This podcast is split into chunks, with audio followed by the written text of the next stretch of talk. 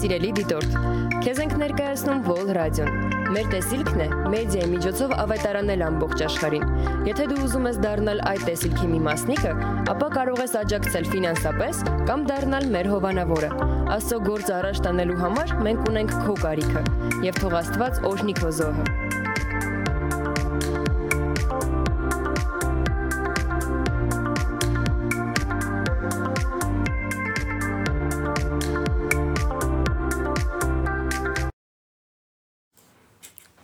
Ողջույն։ Wall Radio-ի ուղիղ եթերում հարցազրույց է Հայաստանի կյանքի խոսք եկեղեցու ավակ հովիվ Արթուր Սիմոնյանի հետ։ Այսօր մենք անդրադառնալու ենք այսպես կոչված չի կարելի հարցերին, որոնք իրականում կարելի են, եւ պատասխանը կստանանք հենց Արթուր Սիմոնյանից։ Բարև ձեզ։ Բարև Մաշա ջան, ասեմ, որ արդեն մեր մոտ սովորություն է երրորդ հանդիպումն է իրար հետ։ Այո, ո՞նց եք։ Լավ, երևի եկե տխրել է առանցքից արդեն, բայց փառք ասու էլ իրար հետ ենք։ Ես էլ։ Այսօր ինքան հետաքրքիր հարցեր եմ նախապատրաստել թեմաներ, որոնք միշտ խոսացվել են, բայց ձեր մեջքի եթևում։ Որոշել եմ ձեզ ասել։ Այսինքն իմ մասին։ Հա, բա իհարկե ձեր մասին այսօրվա։ Ես ասացի, թաքնված թեմաներ։ Չէ, հենց ձեր ձեր անձի, ձեր ընթացքի եւ սկզբի եւ Okay, սկսենք պատասխանել։ Այո։ Էնպես որ իրականություն թե միֆ։ Եթե դուք նույնպես ունեք ձեզ հետաքրքրող հարցեր, կարող եք ուղարկել եւ մենք եթերում կհղենք եւ Հովիվ Արտուրը կպատասխանի դրանց։ Հով ջան, կա նման կարծիք, որ սովորաբար հավատացյալ են լինում այն մարդիկ, ովքեր ծնվում եւ մեծանում են հավատացյալների ընտանիքում, իհարկե մի մասը գնում են աշխարհ, բայց լինում են նաև դեպքեր, ինչպիսին օրինակ ձեր կյանքն է, որ դուք մեծացել եք, ապրել եք աշխարհիկ կյանքով, օգտվել եք ճակերտավոր բարիքներից աշխարհի եւ որոշել եք այդ ամենը թողնել եւ ծառայել Աստծուն։ Ես չեմ ծնվել իրոք հավատացյալների ընտանիքում, ավելի կասեմ աթեիստական դասիրակություն եմ ունեցել, որտեվ իմ պապիկս միշտ գլուխ էր գովում, որ երբեք վիզե եկեղեցի չի եղել, ավելի տենց հոգով եմ դասիրակվել ու ինձ համար հավատացյալները դա մութ ժողովուրդ էին, իրական մութ ժողովուրդ ու Երևակայի դա ամենաանհասկանալի խումբն էր մարդկության, որ ես կարայի այնտեղ ինձ տեսնեի կամ ինչ որտեղ գտնվեի ես որովհետև մեր շենքում հավատացյալներ հավաքվում էին տեստաներում, երգում էին կամ բան անգամ փոքր ժամանակ պատուաններն է կոտրում, քարերի գսեմ որ պատուանները կոտրեն բան Անդրամը հավատքի շատ հեռու մարդ եմ եղել։ Իսկ ինչ վերաբերվում է կյանքի բարիքները թողել եմ, եկել եմ Աստծուն, ես կասեմ, ես հավետնական կյանքի բարիքներն եմ գտել։ Գիտես, ինչ կյանքը բարիք ունի։ Աստվածաշունչը ու Աստված ամեն ինչ թույլ է տալի, բացի 4-5 մեղքից կյանքի, որ գոյություն, այսինքն Տերը զգուշացնում է, որ այդ բանը մի արա, որտեվ դա ոչ թե միայն քեզ ավատ, վատ է իրականում բոլորին ու դա սատանական բաներ են։ Այսինքն այդ 5 բանն էլ ես չեմ կարող բարիք կոչեմ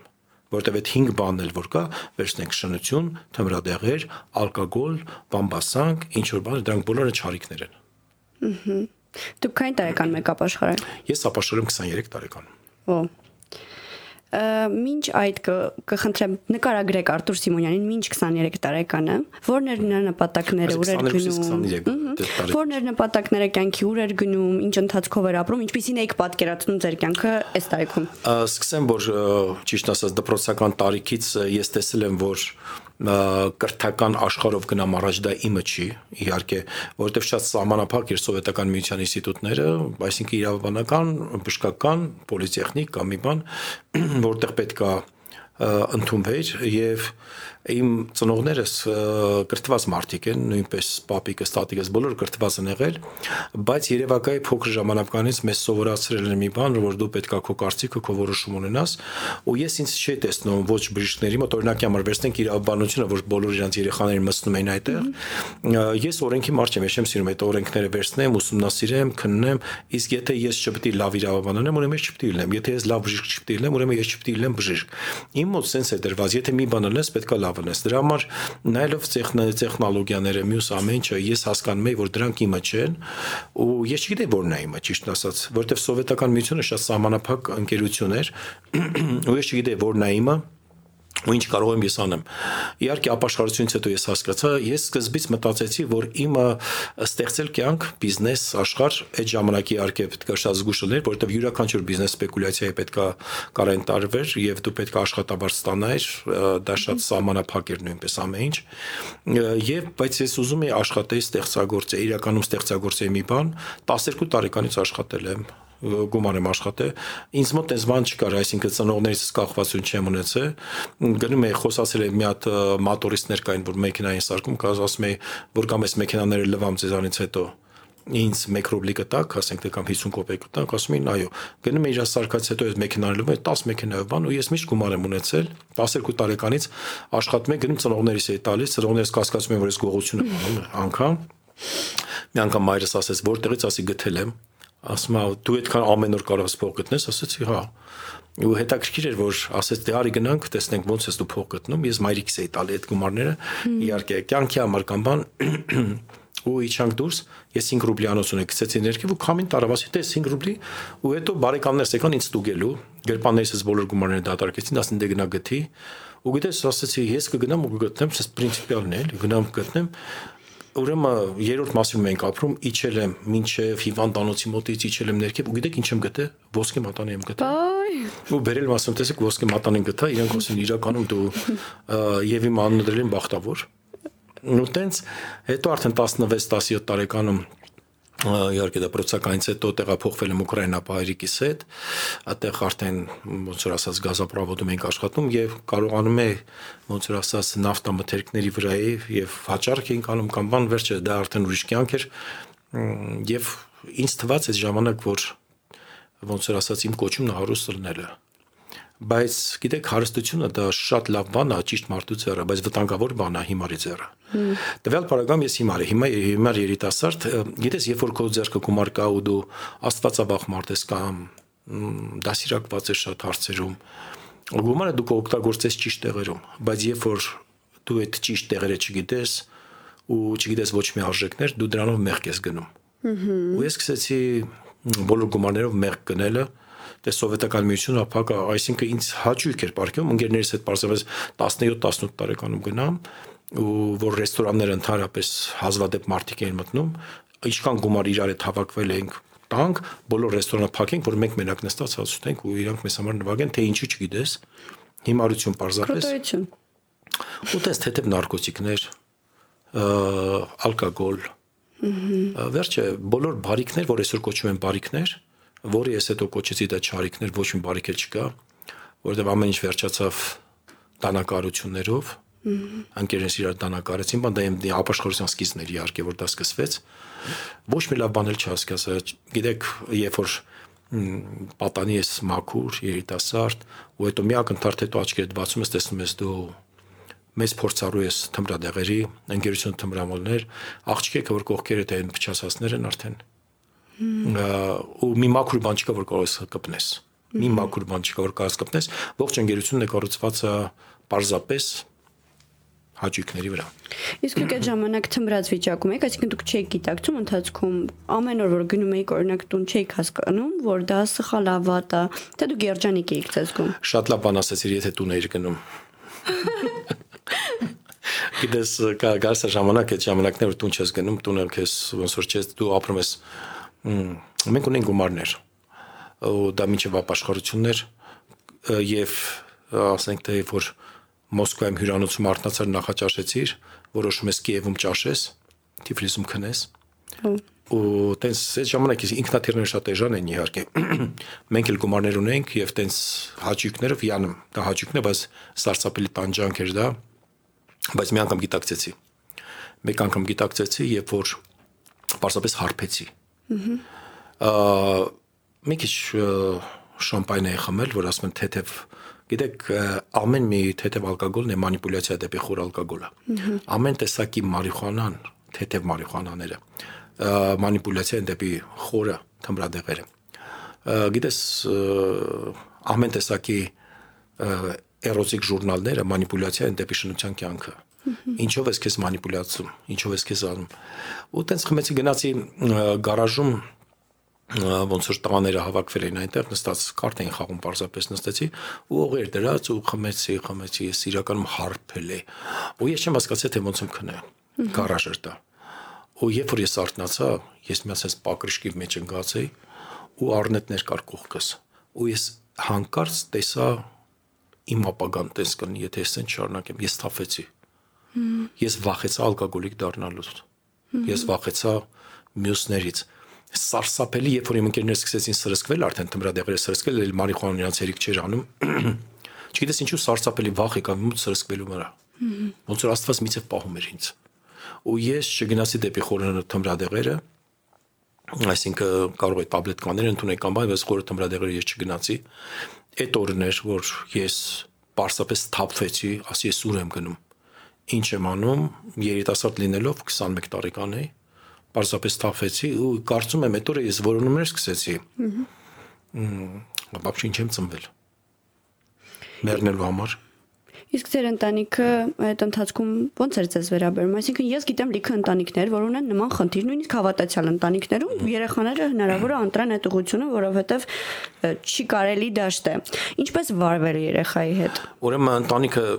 ո՞նց էր ինձ վերաբերում, իրանք ինձ չէին տեսնում, որովհետև ես այնպես էր, որ ես ոնց որ արտերկրա աշխատանքների եմ գնացել, իրանք ինձ չէին տեսնում, տեսնելուց է ես կարող եմ շատ լավ երեխա խաղալ, շատ լավ դեր խաղալ, որ մաքուր մաքուր եմ, ամեն sense անգամ վերջը։ Բայց իմ ներսում իհարկե ապրում էր լավ բնավորություն կար, ներսս որ ապրում էր, բայց չգիտես ինչի ընկնում ես մի բանի մեջ, սկզբից դու անում ես դա, որովհետև բոլորն են անում։ Հետո դու դա անում ես, որ հանկարծ քո մասին չմտածեն, որ դու դա չես անում։ Ու տեղա որ դու զգում ես, ինչքան ամբողից կախված ես ինչքան ամբողջային ես դու իրականում, այդտեղ չես հասկանում, հետո ես դրա գիտակցում այդ ամենը,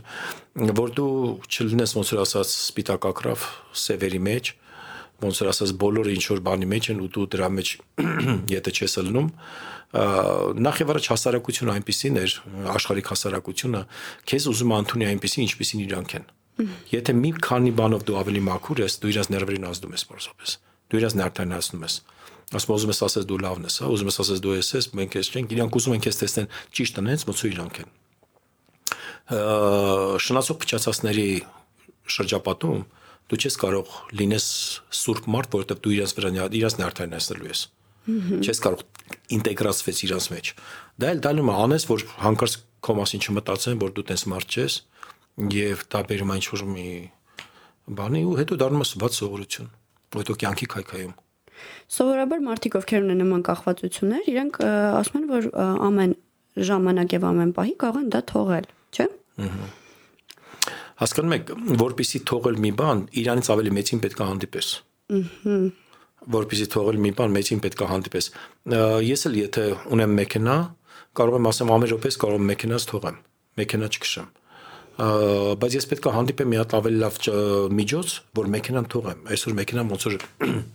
նույն այդ կյանքն է, ինչով ես փոխում։ Միշտ պետք է փոխարինվի մի բան։ Եթե թողում ես ալկոգոլը, նարկոտիկները, մյուսը մյուսը, չէ, այս այս կյանքի արժեքներն, այսինքն ես հիմա կարանտինի ժամանակ ենք մենք գտնվում, օրեր առաջ մեկի տունն է գտնվում, ինքը աշխարհիկ է, այսինքն աշխարհիկ մարդիկ են ինձ հravirել էին, որպեսզի ես զրուցեմ իրաց հետ խոսեմ, ու ինձ ասում են կասեք երբ է այսի վերջանալու էս ամեն ինչը ասեք ինձ մի հատ հարց տամ ասեն երբեք հիմա կյանքը փոխվեց արդեն sense պետք է մինչև ձեր կյանքի վերջը ինչ ու իրանք ասին ավելավա մահանանք ասիրոք դուք մանակ չի ասում հետել սենց ասում ես գժանոցը հասկ ես հասկացա իրանք ճունեն ոչ մի նպատակ բայց քրիստոնյա աշխարհը ոնց որ ունի որտեվ իրանք իրանք նայում են կյանքին հավիտենական կտրվածքով ոչ թե ժամանակավոր կտրվածքով իսկ մարդիկ ժամանակավոր են նայում այսինքն պետքա փոխարինվի թմրադեղերը բան ինչի հետ ես փոխում ես փոխեցի հավիտենականության հետ ես փոխեցի տիրոջ սիրո հետ Աշխարհի սերը ես փոխեցի Աստվածային սիրո հետ։ Ես փոխեցի հավիտենականության հետ։ Ես փոխեցի եկեղեցու հետ, այսինքն այդ ամեն ինչը փոխեցի։ Տեր ինձ օրտնես ընկերներ էլ ամեն ինչ, եթե առաջ ունեի 5-6 ընկեր, то հիմա ողջ աշխարհում ունեմ ընկերներ, ունեմ շրջապատ։ Աստված ինչ չի արկելում, գնամ ես նստեմ մի բաղաված սուրճ խմեմ եւ շփվեմ ինչ օրեք, բայց Աստված ինձ արկելում է բամբասեմ։ Հիմա երբ որ հավաքվում ենք մի գաված սուրճ շուրջ նույն հյուսային մեր սիրած տեղը նստենք սուրճ խմել, չի լի չբամբասենք Չի լինի ուրիշի կնոջի չխոսանք։ Ուրիշի ամուսնուց չխոսանք։ Ուրիշին չնսոմացնենք։ Այ խոսանք կյանքի պայծառ բաներից։ Ահա եւ տարբերությունը։ Եթե թողում մարդն ասում է մի բան բասի, տեղ ինչ է ստալի։ Ինչ անի։ Այսօր արժե համարը եթե մեկը արժեքավոր բաներ ունի, արժե համակարգը վերցնելուց հետո մի բան պետք է տեղը դնես։ Ինչքանը TV-ներով ասեն, ասենք թե շատ է, մենք պետք է բարոյական ունենք, մեր ազգայինը, մեր ազգա ազգային ընտանիք, մեր հայկական ընտանիք, ես մեկ-մեկ ուզում ասեմ, դա ո՞րն է։ Ասելով հայկական ընտանիք ո՞րն է։ Նշանեցին Մարոյին Տմիչոբան Կարոյին։ Այսօր որ սրանց դավաճան հորը կսման նաև ուրացող մորը այսօր ազգային հայկական ընտանիքը ամեն մեկը գյուղում ապրողը իր ձևը ասում ոնց որ ինքնա դասիրակվե քաղաքում ապրողը իր ձևը ու բոլորը մտածում են հայկական ընտանիքը դա այսինքն խոհանոցում կինը տղամարդը բասկաթորը նստած բայց չկա հայկական ընտանիք կա աստվածային ընտանիք կա աստվածաշնչյան ընտանիք որտեղ ծնվում է աստվածը ընտանիքը աստվածաշնչի մեջ շատ հետաքրքիր պատասխան էր իրականում, որովհետև իսկապես ես էլ էի այդ հարցը տալիս, այդ մարդկանցից վերջում ենք իրանց ուրախությունը, ինչ ենք ուզում դրա փոխարեն տալ։ Երբ որ դուք առաջին անգամ ապաշխարեցիք, ես կուզեմ մի հատ այդ պատմությունը պատմեք, թե ոնց Կնեք առաջի ու վերջի։ Շատ լավ։ Երբ որ դուք ապաշխարեցիք, այսինքն Աստված հայտնվեց ձեր կյանքում, նախ ու միջոցով ապաշխարեցիք։ Մի քանի հարց տամ, որտեղ դուք պատմելու եք ամբողջական, արդեն դրանց էլ անդրադառնանք էլի։ Ու միջոցով ապաշխարեցիք, ինչ զգացիք այդ պահին, կան մարդիկ, որ ասում են վայ դա էմոցիոնալ էր կամ չգիտեմ ինչ էր, ու հետո ո՞նց ներկայացաք ձեր լավ ընկերներին։ Ահա, այդ վերջի հարց ավելի հետաքրքիր էր քան Նախ եւ առաջ սկսենք դրանից, ես ունեի լավ ընկերներ, հետո սուպեր լավ ընկերներ ու հարազատ ընկերներ։ Երեք ձևի ընկերություն ունեի։ Լավ ընկերներն են, որ ժամանակ առ ժամանակ հանդիպում ես, սուպեր լավերը, որ ավելի շուտ ես, իսկ մյուսները, որ օր ու գիշեր իրար հետ եք։ Սկսվեց օր ու գիշեր իրար հետ ելնել ընկերներից, որ մեկ օր նորից աշխարհի այդ հաճույքների մեջ մի ընկերս դանակարեց մյուսին մի աղջկա համար իհարկե որ դա մենք Հայաստանում չենք մի պարզապես շնացող աղջկա համար չգիտես ինչ իրանք վիճեցին, կրվեցին ու դանակը արեց ու փախավ, այդ աղջիկն իհարկե փախավ, սեղանը գցած, ալկոհոլը լցված ու ես մնում դանակարված ընկերոջս հետ։ Ու ես իրան պետք է հիվանդանոց տանեմ, ես իր ստամոքսը բռնեցի, աղիները դուրս էր գտա։ Մինչև հիմա իմ գիտեք ձերքի հիշողությունը շատ ուժեղ ավելի քան ըստեղի հիշողությունը։ Իմ ձերքի հիշողության մեջ կա այդ ոնց աղիները սառում ու ես գնացի Վանդանց իհարկե իրան փրկեցին ողջ գիշեր վիրահատեցին ողջ գիշեր վիրահատությունից հետո ինքը կես մարդ դարձավ իհարկե որտեվ աղիների կեսի չաթը կտրեցին իրա ու ես դուրս եկա տեղից իհարկե քնչական կամ բան ոստիկանություն որտեվ ես էի բերե չեն կարող անգերոջս ասել որ ինքն արա ասել ենք ասեցի արմատուրայի վրա անգել նայել ասես տենց ստի մեջ ու ես էլի նոր հարց ինչ եմ ես ծնվել կյանքը ոնց որ հիվանդանոցում շատ ավելի շատ բան ես հասկանում, որովհետև ընկերոջս հետ նստել է մոտ 4-5 օր իր կողքն է, խնամում է, որ մինչև ինքը դուրս կգա այդ ամենից ու քննում է կյանքը, ծխախոտ է ծխում, քննում է կյանքը։ Ու որոշեցի կյանքի իմաստը կորցրեց։ Գիտես, որ գրպան լիքը գումար կա ու քեզ պետք չի։ Ինչ անես։ Մեքենա առնես չես ուզում։ Գնաս մի տեղ ռեստորան չես ուզում գումարը կա, բայց ինքը քեզ պետք չի։ Ու հասնում ես այն ունայնությանը, կյանքի իրական ունայնությանը, որ Սողոմոն թակավորը ես չեմ ասում Սողոմոնի պես ես ասա, բայց Սողոմոնը ամենակյանքի պիկին հասավ ու ասեց ունայնություն ունայնությանս ամեն բան ունայնա, ոչ մի բան չկա, այսինքն եւ գրված է ժողովող գրքում Թրայկա Հայաստան շատ հեշտ էր գնացի օտանավական միանգամից մինչև այսօր հիշում եմ, կար կասաներ, որտեղ միշտ տոմս չկար ու կասայի դիմաց մարդիկ կային, որ տոմս էին ծախում։ Դա իհարկե ավելի թանկ էր, ես արդեն մարդկանց գիտեի, ասի ուզում մի ժամից թռնեմ, ասես կթռնես ու Թրայք Հայաստան ու հարց ինչ եմ ես ծնվել։ Եղբայրս հադարել էր հավատացյալ։ Ինքը ապաշխարել էր դարձել էր հավատացյալ հոգեկալստական եկեղեցում ու ասես վաղը ծառայությունա պետքա գնանք ծառայությունն էլ դա սենց դահլիճային ծառայություն չէր կոմունիստական ժամանակաշրջան թակուն ծառայություններ գերեզմանների կողքը բացատ կար այդտեղ էին հավաքվում ասի ես կոպս տեր տեր չեմ տար ես իրան տեր տեր եք ոչը այդպես Ես մտածում եմ գտեր տերը իրականում դե ես այդքան գաղափար չունեի եկեղեցուց չնայած ես մի քանի անգամ այդ սովի մեջ ես գնացել եմ կանաների հետ խոսացել եմ կամ բան բայց սովետական դասիրակությունը պես կանաները ինձ ճուղորտեցին ասեցին ես ասի սենց սով կա մեջս ինձ շուղորդեցին դեպի ապաշխարությունը, այսինքն ոչ թե շատ կանար, մի քանի հետ է խոսացել։ Ու Հայաստան, երբ որ ես եկա, ասեցի, ես չեմ կարող ամբողջ օրը ծնգերի վրա լինեմ, աղոթեմ, կյանք դու չես հասկանում, կյանք չես տեսել։ Ասես ես քո համար կաղոթեմ։ Ասի դե աղոթի, դե Աստված այդքան ուժեղ է, ես առավոտ կուզեմ ծառայություն գամ։ Գիտես ինչն է հետաքրքիր, ես ինձ իմ խոսքերով կապեցի։ Գիշերը քունս փախավ, Ես հիշում ագին ծխախոտ եմ ծխի ու հարցին ինչ եմ ես ծնվել։ Ունենց վախ եկավ մեջից։ Իմ պատկերացումը շատ ուժեղ է։ Ինձ սկսեցի տեսնել դագաղի մեջ փակում են, ասի լսի ավելի լավ չէր ծնված չլինի, քան իսկ փակելու են դագաղի մեջ, ինչ եմ ստեղ անելու բան, պատկերացում, որովհետև դու ճունես հավիտենականության մասին գաղափար ճունես, մենակ այդ կարոպկայի մեջ տեղավորվելու մեջ է։ Ու առավոտյան ինքը ասեց դե գնացինք, ես չասեցի չեմ գա։ Մի անգամից վեկացա հետը գնացի ծառայության ու այդ օրը հետաքրքիր բան կատարվեց, որ ես եկա ծառայության տեղը շատ եմ պատմել։ Ծառներից կաստիլներ էր կախած, ասում ես ինչ դե մարդիկ բժշկվել են։ Մարդիկ տեսա մի պապիկ ծխախոտ էր հավաքում այդ մնացորդները ծխախոտի հավաքում էր գետնից մի անգամ վազեցի մոտ ծխախոտը տվեցի ասեցի պապի ջան մի հավաք ես պաճկեն վերցրու քեզ դուփը վերցրու քեզ ինքը ասեց տղա ջան չեմ ծխում ասի բայց չի քաղաքում ասա որտեվ ստե 10 ներկայությունը պետք է այս կեղտը խանգարում է ես ինձ խոզի պես զգացի դուրը ասեց ես ով եմ ես բայց մինչև այդ ես գերեզմանների մեջով որ անցնում էի մի գերեզման որի մինչև մա հիշում եմ իմ տարիքի աղջիկ էր պարկած այդտեղ ու ասին չի ինքը ես չէ կարա ես ելնեի ու գրած էր կանգնի անցորդ ու վրան sense ես այնպեսին է ինչպես դու ես հիմա ու դու sense այնպեսին ինչպես ես եմ հիմա գերեզմանը քեզ քարոզում է մեռնել ոչ ոք չի վիճում նրանք միշտ ճիշտ են ու այդ մտքերով ես եկել էի։ Եվ այդ ժամանակ իհարկե շատ հրաշքների մասին լսեցի, որ Տերը անում է իրանց կյանքին, ու մի եղբայր դուրս եկավ լավ երաժշտություններ հիշում եմ, փառաբանություններ, երկրպագություն։ Ես չեմ հիշում ինձ ով էր այդ եղբայրը, բայց դուրս եկավ մի քարոզ ասեց եկեք ինձի բոլոր հոգնածներ ու բեռնավորվածներ եւ ես հանգստություն կտամ։ Տերը քեզ կանչում, ես չհասկացա ոնց վազեցի ու դիմացի կանգնեցի, ասի ես ուզում եմ։ Ու ես տարիներով չէի լացի, իմ արցունքները ստեղ էր, բայց ստեղ չէր, որտեվ տղամարդը չպետք է լացի այդ սկզբունքներ իմ ընկերության մեջ։ Ընթունեցի ինձ որպես ինտեր հեկեկում էի երեխայի պես մի ժամ մոտարապես լացում էի ու ոնց որ ես կանգնած եմ ամենակարող տիրոջ մոտ ու ես զգացի իր ներկայությունը ես զգացի իր սերը ես զգացի սուրբ հոգու ներկայությունը սից լեզուներով աղոթել հենց նույն առաջի օրը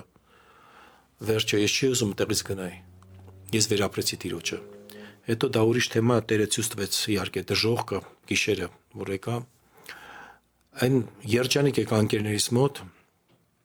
այն մինկերները մոտիկ ընկերները արդեն չկային, մեկը տանակարված էր ու գնաց իր տանը, ոնց որ կապ չունենք, այն մեկը փախած էր, էլ ոնց որ ասած ես չէի ուզում հետները հանդիպեի, որովհետև դավաճանություն է զգում։ Իսկ ընկերներից մոտ եկա ասեցի, որ մանկության այս ընկերներ, որ ես հավատացյալ եմ դարը, այնքան ուրախ է պատմում, իրանք ցեցին ինձ ծաղրել հավատա ես ալելույա ասելով ման ես գալի աղոթելու ես ես հասկացա որ ես ուրիշ նավակ եմ գնացել իրանց նավակում ես էլ իրանց չեմ հասկանա ինչ ու մինկերավնի ասեց հիմա ես օղի եմ լցելու երիտասարդ ենք իմ կենացը չես խմելու ասի ես քո համար կարամ աղոթեմ կենաց ես չեմ խմում ես կենացներ չեմ հավատում այլևս ու ինքը շատ ուժեղ նեղացավ օղու շիշը որտեվ կորցնում են ինձ օղուշը գետնով տվեց, տրակեց, ասի լավ, ես ես համար կաղոթեմ։ Ու այդ օրվանից դարձավ ծաղրանք, հալածանք ծնողներից, ընկերությունից կամ բան, ու դու ծնողներս ապաշխարեցին տիրոջ եկան։ Մի տենց Եղբայրս դու գնաց Ամերիկայի Միացյալ Նահանգներ, այնտեղ ապրում, բայց ինքն ինձ ասում բերեց, նա շատ լավ սիրտ ունի, շատ լավ հավատացյալ է։ Եկեղեցական միշտ աղոթներ, ինքը ավելի շատ աղոթող է բայց տենց ասեմ աչքին գնող ծառայող չի, բայց միշտ աստծո ծառայության մեջ է։ Չէ, դա քիքիր է, չէ, բայց իր ծառայությունը փոստան կարելի է այսպես ձևակերպել, կայացել էր գուցե նրանում, որ դուք հիմա ծառայեք այսքան մարդկանց։ Ինչքան գիտես, մեկն էլ Պողոս Արաքել ծնեց իր տանը։ Իր անունը մենակ գրված է, որ Պողոսը գնաց իր տուն։ Ամեն մեկս պլատֆորմ ենք ինչ որ մեկի բարձանալու համար։ Իսկ նոր ասացիք, որ դժողքն եք տեսել, դա ուրիշ թեմա է։ Դե մի քիչ իհարկե, ես որ տուն եկա ոնց որ ասած տուն եկա հավաքույտից, երբ որ գիտես մի ասես բան կա, երբ որ վերապրում ես տիրոջը, ինքը գնում է հետո դա։ Այդ վերապրում օրգանը սատանան միանգամից եկավ։ Սատանան երբեք չի գալի մարդու հետ խոսա վերապրան ժամանակ։ Հիշում ես Եդեմի պարտեզում երբ որ Աստված ոսնում էր Ադամի հետ, չկար սատանայի ներկա, երբ որ ինքը չկար, այդ ժամանակ ժամանակ առ ժամանակ Աստված մեզ թողում է Եդեմի պարտեզում առանց իր ներկայության։ Այսինքն ինքը կա, բայց մենք չենք զգում այդ ներկայությունը։ Ու սատանան գալիս է հենց այն ժամանակ, երբ որ դու չես զբոսնում, կա զբոս ես տենց եմ ասում, կա զբոսանք տիրոջ հետ ու կա զբոսանքից հետո կյանքը։ Ինչ ես դու անում։ Կարող է մի աղջիկ կամ մի տղա իր ասիրած ընկերոջ հետ աղջիկա կամ տղա հետ զբոսնի, խոսան ու հետո այդ տան ճանապարհադրում այդ աղջկան տուն ու հետո գնում են ամեն մեկ իր տունը։ Ով են իրանք այդ ժամանակ զբոսանքի ժամանակ շատ հեշտ է խոսալ, ինչ մտքեր է գալի, ինչ են խոսում, ծնողները ինչ են խոսում, մյուսն ինչ է խոսում։ Այ այս բոլորը կատարվում է նույնպես հոգևոր աշխարհում։ Հենց գնաց տիրոջ ներկայս սատանան եկավ ու ցույց տվեց իմ բոլոր կյանքի զվարճանքները, որ ասում ենք, ճակերտավոր զվարճանքները, ընկերներից, ընկերուներից, բոլոր ասեց, այդ ամեն ինչ կթողես, դա պատկերացնում եք 88 թվականն, 88-ի վերջերն է եկեղեցում երիտասարդ համայրա չկար, միայն այնտեղ որ ծնվել են։ Մեծ մասամբ տատիկ պապիկներ են, գնալու ես տատիկ պապիկների հետ աղոթես։ Ու ես այդ օրը մտածի կարող սխալվել եմ ու միանգամից մոռացեմ վերապրում օրես ունեցել եմ։ Նստեցի մի կեստուp ծխախոտ էլի ծխում, մտածում էի, խորում էի ու հանկարծ ես քնեցի։ Չգիտեմ ոնց քնեցի, նստած։ Ու տեսնում հրեշտակ, ու ես գիտեմ որ ինքը հրեշտակը մարդու նման է։ Ու ինձ ասես արի ես քեզ բան ցույց տամ ու մենք իջանք ոնց որ աշխարհի մեջ էր դա ոնց որ մի նկուղային միտեղ դևերը բռնած էին դուրը ու ես հասկացա որ այդ դժողքն է երբ որ մենք հրեշտակետներս մտա սա երազ էր սա ոչ թե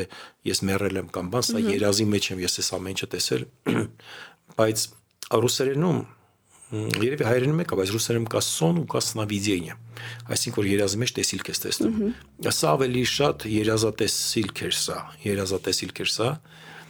ու առաջինը ում ես տեսեմ պապիկիս դա խոնավ կամերաներ էին ինքը սա չար աչքերով ինձ ընամ այն պապիկս որ լավ կոմունիստ էր ու ասում ես երբեք հո եկեղեցի ոչ չեմ դրու չեմ էլ տնի բայց ինքը ինչ էր քաշ որպես իմ պապիկ հարազատ ես վախենում եմ նրան մոտենայի այնտեղ սարսափ էր հույս չկար ընդհանրապես հույս չկար որ վաղը լավ կլինի այդ վաղը գոյություն չուներ մութ էր ցուրտ էր ու խոնավ էր ու սատանայի ներկայությունը միշտ հետևդ որ մեկ-մեկ վախենում ես, չէ՞ ինչ որ մեկը հետևդ կա։ Այդ ներկայությունը միշտ ու ես այնտեղ տեսա երիտասարդությանը, որ իմ կյանքում հենց ապրում էին, տարապում էին։ Ու ասեցի ես ինչ որ ուզում ես հիշես, դու այնտեղ մոռանում ես։ Ինչ որ ուզում ես մոռանաս, այնտեղ սկսում ես հիշել։ Ամեն վատ բաները։ Ինչ մահով մահացել ես, մարդը ամեն րոպե մահով մանում է, բայց չի մահանում։ Այդ տանջանքը միշտ իր հետ է։ Սատանայի ծաղրանքը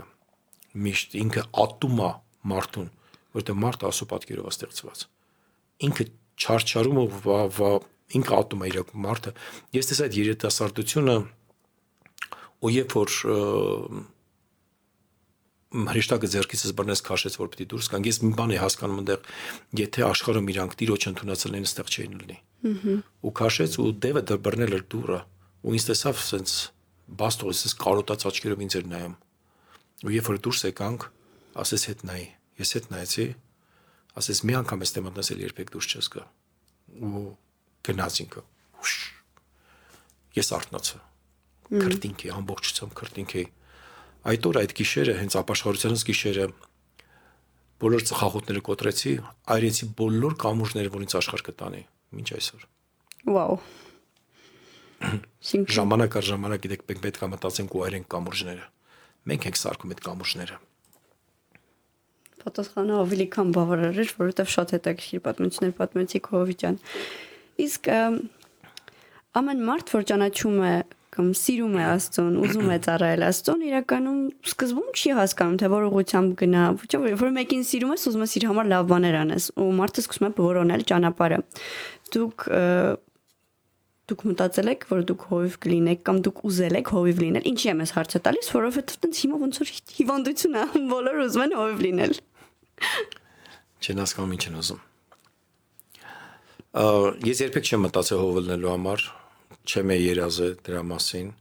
Նախ եւ առաջ որ ես հոգեվոր կյանքում գնում եմ, հովական այդ մշակույթը դեռ չկար, կար երեցներ, սարկավակներ, բայց շատ եմ ուզեցել ծառայող լինեմ։ Երբեք չեմ մտածել ինչ անեմ։ որովհետև իմոցենս պատկերը, երբ որ ծառան գնում է մեկի տուն, իրան տալիս են ծառայություն, իմոց չկար հայր, որտի հարաբերություն վերջ ես ծառա աստծո ծառայեմ, ասում են այստեղ մակրին, դեռ մակրինքը չի հասկանում, ինչու՞ պիտի մակրինքը ծառայում է։ Ես ասում եմ, ես նես պետքա ծառայեմ ասուն։ Ու տենց ես ծառայել եմ աստծուն երկար տարիներ, անգամ մեր եկեղեցին որ Լեոնիդ Մարկոն եկավ սկսվեց մեր եկեղեցին ես Մոսկվայում եի ես Մոսկվայում բնակվում էի այնտեղ արդեն բիզնես ունեի ոնց որ ասած այդ աշխարհիկ ամեն ինչ կորցրեցի բայց գնաց այնտեղ մենք կոշիկ կոշիկի գործ էինք անում այնտեղ մեր ֆինանսականը լավ էր ու հետո պետքա միացյալ նահանգներ գնայի ես ամենը կոտրեցի փոխեցի եկա այստեղ լայնի դե եկել էր նոր փողոցի ավետարանչություններն էր սկսե ես սրտանց ծառայել եմ տիրոջը գիտես մի անգամ ես տեսա 5 5 արգանի շենքի վերևի հարգում ենք մենք ծառայում որ հովին բան են անում նախատում են ծխախոտների համար, ու աշխարհիկները գալ ծխախոտները ծխում են, բայց իրանք մեզ վրա են բանան, որ դուք եք էսի լարը, որ մաքրենք, որpեսի չնախատեն, ես ծառայությունից հետո մնում եի 5 հարկը ավլում էի, որpեսի եկեղեցու վրա խոսակցություն չկա։ Սուքարաններն էլ եմ մաքրել, ամեն ինչ արել եմ։ Դա իմ ծառայության սկիզբն է եղել։ Մինչև մի օր ես բարձրացել եմ սարը աղոթելու անես պատերազմական աղոթքերի սրտան ծառայել եմ իրականում սրտան ծառայել եմ տիրոջը ամեն ինչ արել եմ պետք էր գթությունը ասենք թե վազելով այնտեղ պետք է մեկին մի բան տանել տանում էի մեկի համար աղոթել աղոթելու պետք էր հավաքել հավաքում էի ես այն ժամանակ չկար sense լա կամ բան մաստիկա հասկացողություն կար գալիս է եկեղեցու պոլերը օֆիսի պոլերը մաստիկա է գսում բան իմ համար եկեղեցին մի հատ տեղ էր որ պետք ամեն ինչ մաքուր լինի սիրուն լինի ու երբ որ սարի վրա աղոթք էի անում ու հանկարծ գիտես որ ստես մեր եկեղեցում կան լիքը ինձանից խելացի լավ մարդիկ, որ իրան կարան հով լինեն։ Ես Երևակայի վերջինն եմ, որ կարա լինեի, դե որ ասում եկեղեցի հետ մեծ մի քանի հոգի մարդ էր ոնց որ հավաքված։ Մի տակ մի քանի տասնյակ մարդիկ էին իրականում։ Սարի վրա ասես պատերազմական աղոթքեր, ասես իրականում ունենց աղոթքեր չի կարող կանգնել, չգիտեի ինձ մետ ինչա կատարում, շատ ուժեղ աղոթում էի։ Ու հանկարծ մի հատ հանդարտ հոգի ասես նստեցի ու ես լսեցի տիրոջ ձայնը։ Ես քեզ հով եմ բարձրացնում ես երկրում ասի դեր ես ոչ մի բան չգիտեմ իրոք այնքան ռեալ էր ձայնը ես ասի ես չգիտեմ դա ոնց է ասեց դրա համար էլ բարձրացնում քեզ դու ինձ նիսկ կլսես ու կասել ու ես ոչ մեկի չասեցի հետո ասի միգուցե ինչ որ ժամանակում ինչ որ sense բան ոչ Լեոնիդին ասեցի ոչ մեկին որովհետև ես մտածում էի որ հովը ուրիշ մարդիկ կան որ Լեոնիդը ասել էր որ ինքը ուշ շուտ գնալու որովհետև ինքը միսիոներ էր այստեղ ուրիշը կլինի, երևի ես հովի օկնական կլինեմ կամ երկրորդ հով կամ բան։ Ու այդ օրվանից սկսվեց։ Լյանդը մեր ոնց որ երկու օր հետո ինձ ասում է ես դե իր օկնականն եմ։ Ասում է գիտես ինչ Աստված այսօր գիշեր եկավ իմ կյանքում ասեց որ դու ես հով լինելու։ Ասի իրոք։ Հիմա այդ օրվանից ուր գնում եմ ասում լսի մեր քույրիկները բան աղոթող ասում է Տեր ինձ ասել որ դու հով ես լինելու։ Տեր ու գիտեք ուր գնում եմ նույն բանն են ինձ ասում։ Ուր գնում եմ նույն բանը։ Վերջին այն էր որ գերեզմանոցները մի հատ կին էր գնացել ենք հողարկավորման։ Ու Միկին կանգնած էր այնտեղ, սենց ինձ էր նայում, հետ այսպես դրած, ոնց որ գերեզմանի աշխատող կանացից էր։ Ես չգիտեմ, թե ռեշտակ էր, թե աշխատող էր։ Մոտեցած տատի ջան, ինչով օգնեմ։ Մեկը սկսեց սահմոս ասել անկիր։ Տերն եմ հովիվը, կարոտություն չեմ ունենա, նա կանաչ տեղեր եմ։ Ասի դուք հավատացյալ եք։ Ասում է, այն խոսքը չի որ հավատացյալ եմ։ Դու էլ լավ գիտես որ դու հով ես ելնելու։ Դու Հայաստանում շատ մարդկանց դարձի կբերես։ Գիտես դրանից հետո ես այդ կնոջ այնքան ամանեկ էլ չեմ գտել։ Սենց գերբնական ձևի Շատ հավես։ Մի հատ բան պատմեմ ձեզ ձեր մասին։ Որպես վկայություն, իրականում ես շատ փոքր էի, երևի 10 19 տարեկան, երբ դերձարայությունները անցնում էին Բանգլադեշի դահլիճում, ու մենք ներկայացում էինք արել մեր թատրոնի խումբը Հիսուսի նկարներ նկարել ներկերով, ու բոլորը արդեն գնացել էին ամեն ինչ վերջացել էր, իմ ծնողները ուշանում էին ինձ գալ վերցնելու հարցում։ Միամիտ գալիս եմ յետտաբը, հով ջան, տեսնում ներկերն եք մաքրում։ Սենց գնացել նստել եմ ու հետո գնացել եմ տուն սկսել եմ լաց լինել ես դրա համար, որ ասում եմ բոլոր մարդիկ տեսնում են հովի վարտորին քարոզելուց։ Բայց ինչ պետք է եղածած լինի, որ դուք ներ տես Ինչպես էլ է գետնին դե ներկա, երևի լավ չի մաքրվել, դուք մաքրում եք, չեք հիշում, չէ՞ հաստատ։ Չէ։ Ես տենց ապրում եմ, գիտես, շատեր ինձ գիտեք ոնց են մտածում սենց շատ կարևոր բեմի մարդ։ Ես բեմից երբ որ իջնում եմ ներքև, քարոզից իջնում եմ։ Ես ընդեղ էլ հասարակ մարդ եմ։ Մեկ-մեկ ինձ որ ասում են, գիտեք, այս բառը սենց պետք է ասել, սենց ասում եմ, ես մեր լեզուն, մեր խոսքը չեմ վարում ես ամեն տկարների տկարն եմ թե հայերեն լեզվի խոսալուց, թե ասենք թե մի բանից։ Հիմա ինչքան տերը օգտագործում օգտագործա։ Ես էլ մա իհարկե կանաչ եմ, բայց տղամարդկան զուգարան եմ մտնում, տեսնում այնտեղ սաղ կեղտոտած, որտեղ մտածում քույրիկներ եմ տիգան մաքրեն։ Մեր եկեղեցու զուգարան, գիտեք, ինչև այսօր է, որ տեսնում կեղտոտը, վերցնում եմ մաքրում եմ ես։ Եղել է ժամանակ, որ բոլոր կաբինաները մաքրելով գնացել են։ Մարդ չկար, փակել եմ դուռը, թևերս կշտեցի մաքրել, ու մեր ծառողները մեծ մասամբ տենց են իրականում իմ պագոնները չին գնում։ Գիտեք, շատերը մտածում են պագոններդ կընկնի, չէ՞, բայց եթե չունես պագոն, ինչ կընկնի։ Շատ լավ պատասխան։ Չունեմ ինքը։ Ես պագոն չունեմ, որ ընկնի։ Դրա համար վախենալու բան էլ չունեմ։ Ընտիրա։ Թող մտածեն այն մարդիկ, որ պագոններ ունեն։ Ես կուզեի լսել պատմություն։ Ինչպիսին է եղել ձեր առաջին ավետարանումը դրսում, որտեղ դուք սկսել եք փողոցներում քարոզելուց Իմիջալուց առաջի ավետարանչությունը ես որ արել եմ դա օնիկետ ենք, մեր օնիկետ ենք, մենք այնտեղ իրար հետ աշխատում ենք։ Հիմա բանը մեր Ժասմինը վեկալ չայ չայ Ժասմինը հաղորդմանը չանց ռուսերենով է դա հաղորդմանը թե որից եմ սկսի ավետարանը կարոզեմ, դա եղել Արբատում, Մոսկվա Արբատ փողոցի վրա, երբ որ եկեղեցում այդ ներեցեք շատ հարցերով ինձ բան են անում տանջում էին չեն ուզում ընդունեին բան, հետո ասացին, որ մենք էլ չենք ուզում լսենք, շատ կոտրված է իհարկե։ Ու դուրս եկան Կարպատում ման ենք եկել, ժամանակ էլ 90-ականներն էր հեղափոխություն էր կատարվում, ռեֆորմացիա բան։ Ամեն մեկը ինչ որ քաղաքական ելույթներ ամ։ Մենք մտածեցինք ինչ չավետարան չքարոզենք, մի հատ հավատացյալներ խումբ այդտեղ կանգնած էր, միացանք իրան ու առաջի քարոզը տեղ ա եղել։ Ու լիքը մարդ ապաշխարեցին միջերից տեղ ու տեղից սկսվել է իմ ավետարանությունները։ Ես բեմի վրա չեմ ծնվել, ես ծնվել եմ փողոցում, մինչև այսօր այնտեղ կամ տրանսպորտների մեջ կար ժամանակ որ մինչև հիշում եմ 26 համարի ավտոբուս կար մասիվցիները լավ գիտեն դա Իկարուսներ էր դա ու վարորդներ ունեին բարձրախոսներ այդ ժամանակ տրոլեյբուսի վարորդներն ունեին բարձրախոսներ գնում էի ու սկսում էի քարոզել երգում էինք տրանսպորտի մեջ մինչև շրջանայինից հասնում էինք մասիվ դե դա ագին ժամանակ էր ու անգամ վարորդներից միկրոֆոնը տալիս էին քարոզում էի ասո խոսքը Չեք վախենում Ինչից այստեղ վախենալ չի, ամանչես կարելի է ճիշտ հարցնել չի իր ամանչում։ Գիտեք իմ համար ես գիտեմ որ տիրոջ բերը պետք է ստանեմ։ Եթե տիրոջ բերը չտանեմ, ուրիշ բեր եմ տանելու։ Դա համար վրա տիրոջ բերը տանեմ։ Գիտես, աստծո խոսքը մի ասես բան ասում, եթե դու չես կարող քո անձ ուրանաս, ով է տիրոջ հետ, երբ որ անձը տուրանում ես, երբ որ անձիդ վրա դողում ես, դու չես կարող լիովին ծառայես տիրոջը, բայց երբ որ անձը տուրանում ես, հենց այդ է դա կոչվում անձնուրացություն որ քաշվում ես, մտածում ես, բայց դժվար առաջ երկու րոպեն է։ Հետո արդեն հեշտ է։ Շատ հավես։ Իսկ այդ դեպքում եղել է որ քանի տարի դուք հովև եք Արտուր։ Ես արդեն 29 տարի հովական ծառայության գլխավոր հով որպես 27 տարի, իսկ որպես հովական ծառայության մեջ արդեն 29 տարի մոտավորապես։ Եղել է որ դες սպառնան ձեր կյանքի վնասել։ Շատ։ Նորմալ է։ Չեմ ասի նորմալ է։ Ես անորմալ չեմ ասում նորմալ է։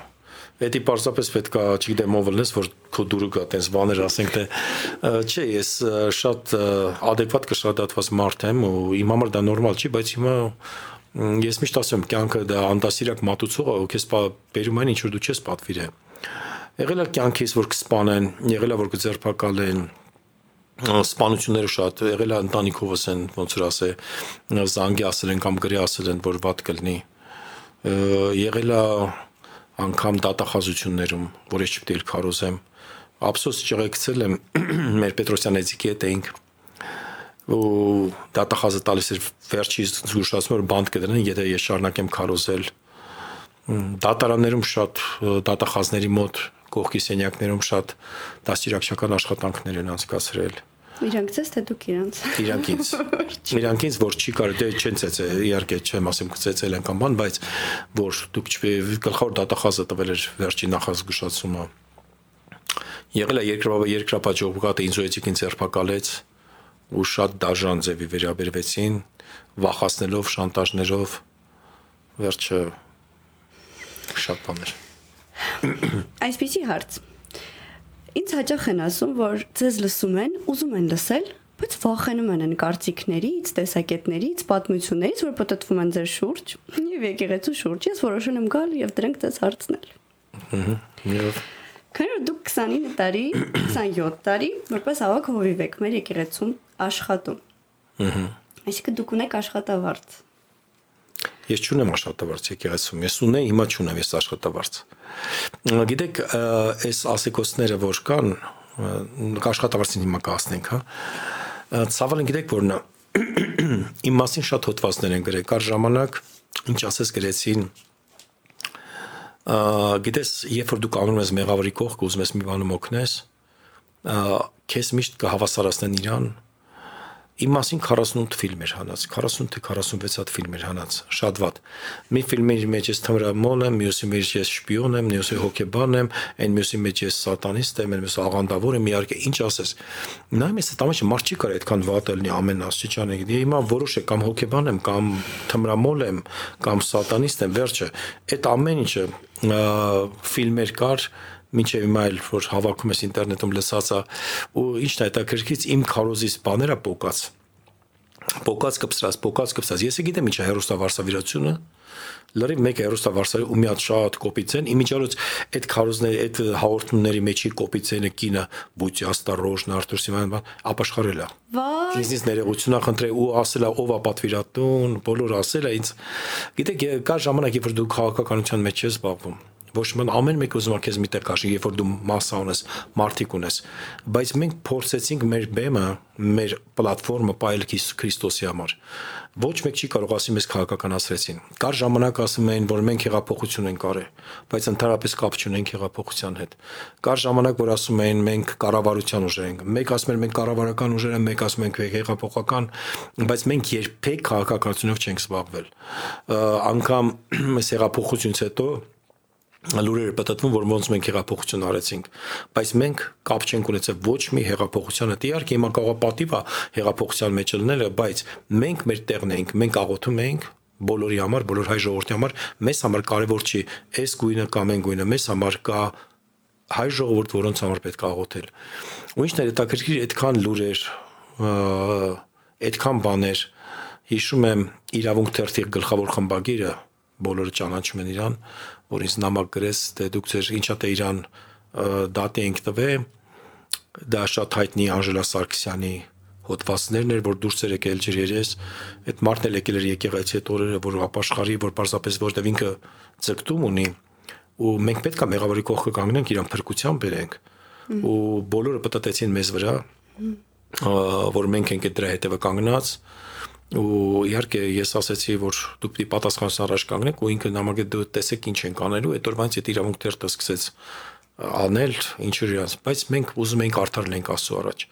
դուրս եմ գալի կրպակների մոտով անցնում եմ ես Ռոմի պապի շորերով Անժելա Սարգսյանը կողքս կիսամերկ միտոմ էլ սեքս շոպերը որ մենք ենք բացում Հայաստանում սա իմ վրա էլի գրանցեցին ամեն ինչ ես աղոթեցի տիրոջ ասի տեր բոլոր ինձ են Աստված ասեց գիտես ինչ ինձ նայ ես որոշեցի տիրոջը նայեմ ների ասես ներիր հələ չհաշված անուններ կա որ ասեմ որ պարզապես առաջարկներ են անում եթե դուք մեր կողք կլնեք մեզ ինչ որ բաներ տակ մենք ամեն ինչ կանենք որ տես բաներ չի լինի այսինքն կա շարքեր գալի կամ բան բայց մենք մաքուր մնացինք այդ ամեն ինչի մեջ ես որոշեցի դեր իմ աստված եթե արդարության համար հալածում եմ խոսքը ասում է երանային մարդկանց որ արդարության համար հալածեն ես ինչ չեմ արդարացնելու ես չեմ պատրաստում ինձ արդարացնեմ դու ինձ կարդարացնես բայց ինձ համար զարմանալի գիտես որ մենք ապրում ենք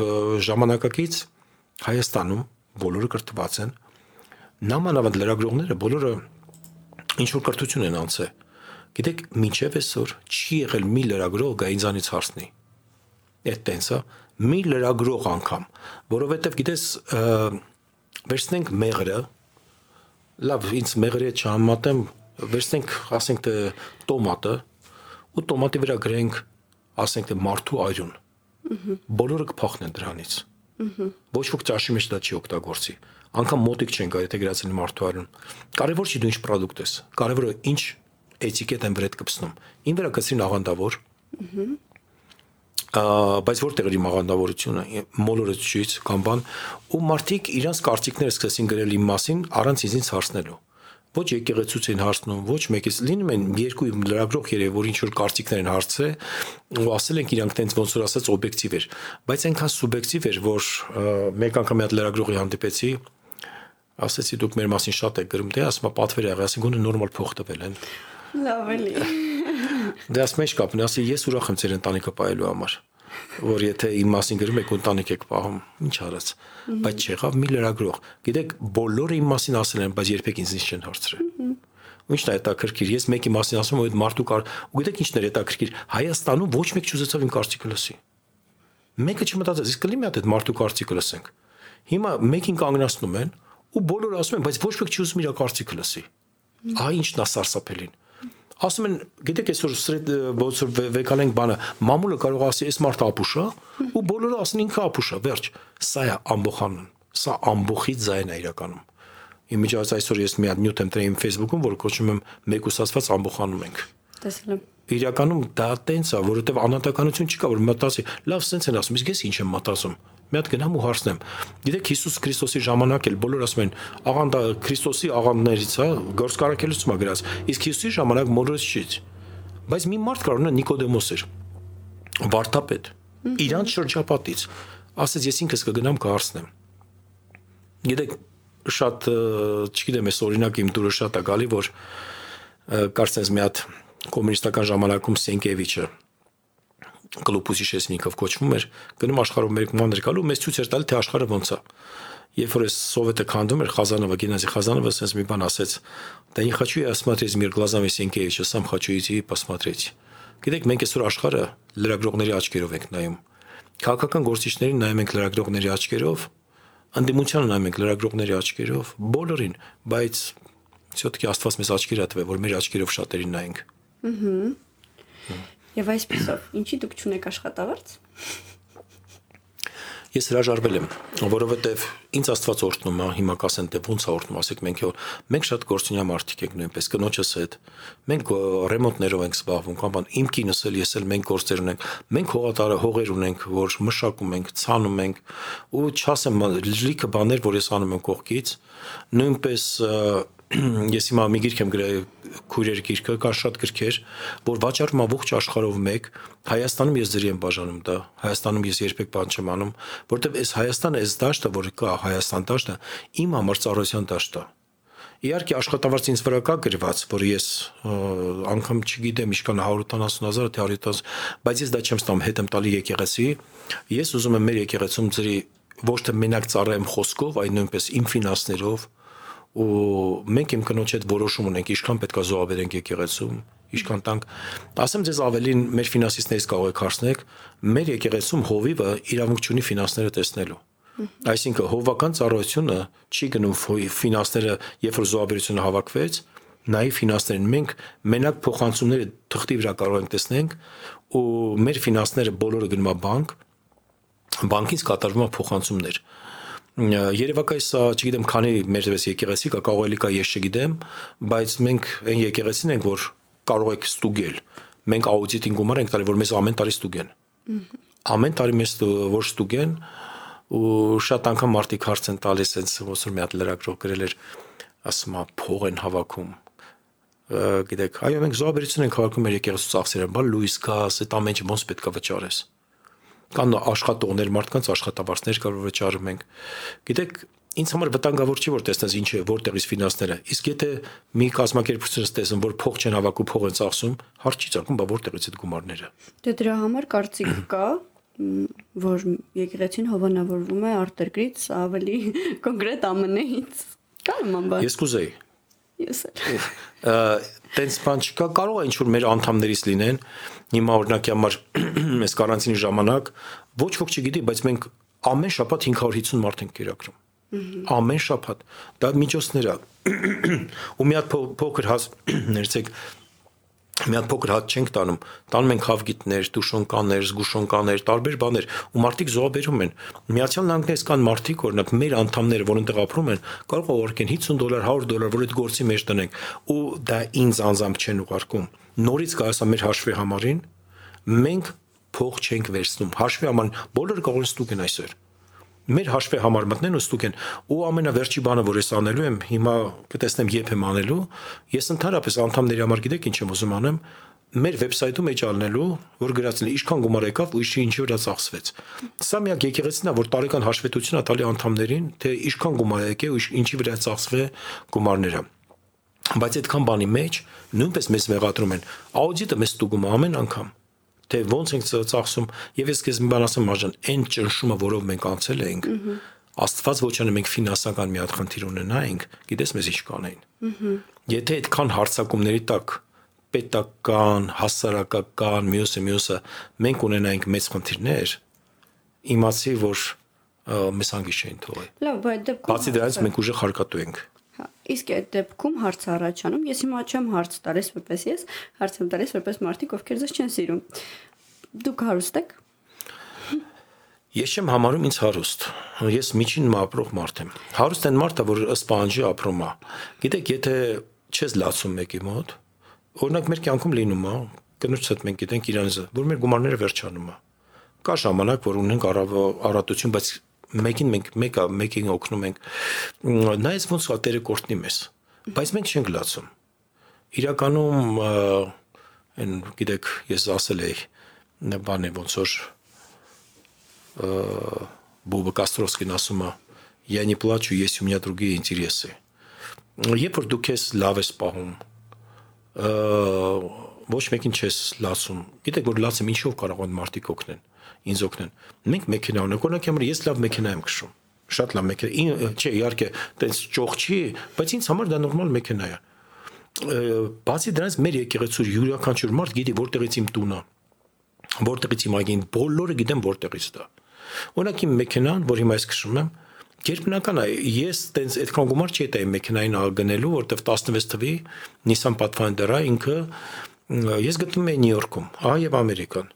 Նյու Յորքի կողքը Մասաչուսեթսում։ Ու մարդու անունն էլ կա։ Ու իմ ընկերներից մեկը, որը Ուզբեկստանից գնացել է ռուս ազգությամբ հայ չի, ինքը բիզնեսմեն է, ու ես իր տունը մնում եի, որովհետեվ ինքը իմ քարոզներով ապաշխարել իմ քարոզներով ապրե ու հրավեր իր տուն վերջը ուզբեկական տես փլավ են սարքե բայց ինքը ազգությամբ ռուսա ու ինձ ասում լսի քո հասցեն կտաս ասի ինչի ասում քեզ նվեր եմ ուզում անում դες մտածեցի ուզում օծանելի կամ բան նվերի բայց ուզում հասցես խի ասում վերջես իմ հասցենից տվեցի ասում է 2-3 ամիս ասում է դիմավորի ես քեզ մեքենա եմ ուղարկել նվեր որ դու կարողանաս միսիայի գնաս բան իմ իմ ընտանիքի կողմից քեզ նվեր լինի ու նույնպես մաքսաձերծման փողներ ուղարկե ու մի տարել բենզինի փողեր ուղարկե ինձ, որ հեսա ահա եւ ապացույցները կա, թղթերը կա, այդ մարդը կենթանիա կա։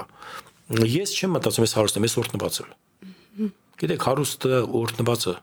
ու եթե դուք ինձ հարցնեք, կուզես հարուստ լինես, ես կասեմ կուզեմ օրտնված մնամ։ Տերը գիտի, երբ է ինձ պետք, ինչ է ինձ պետք։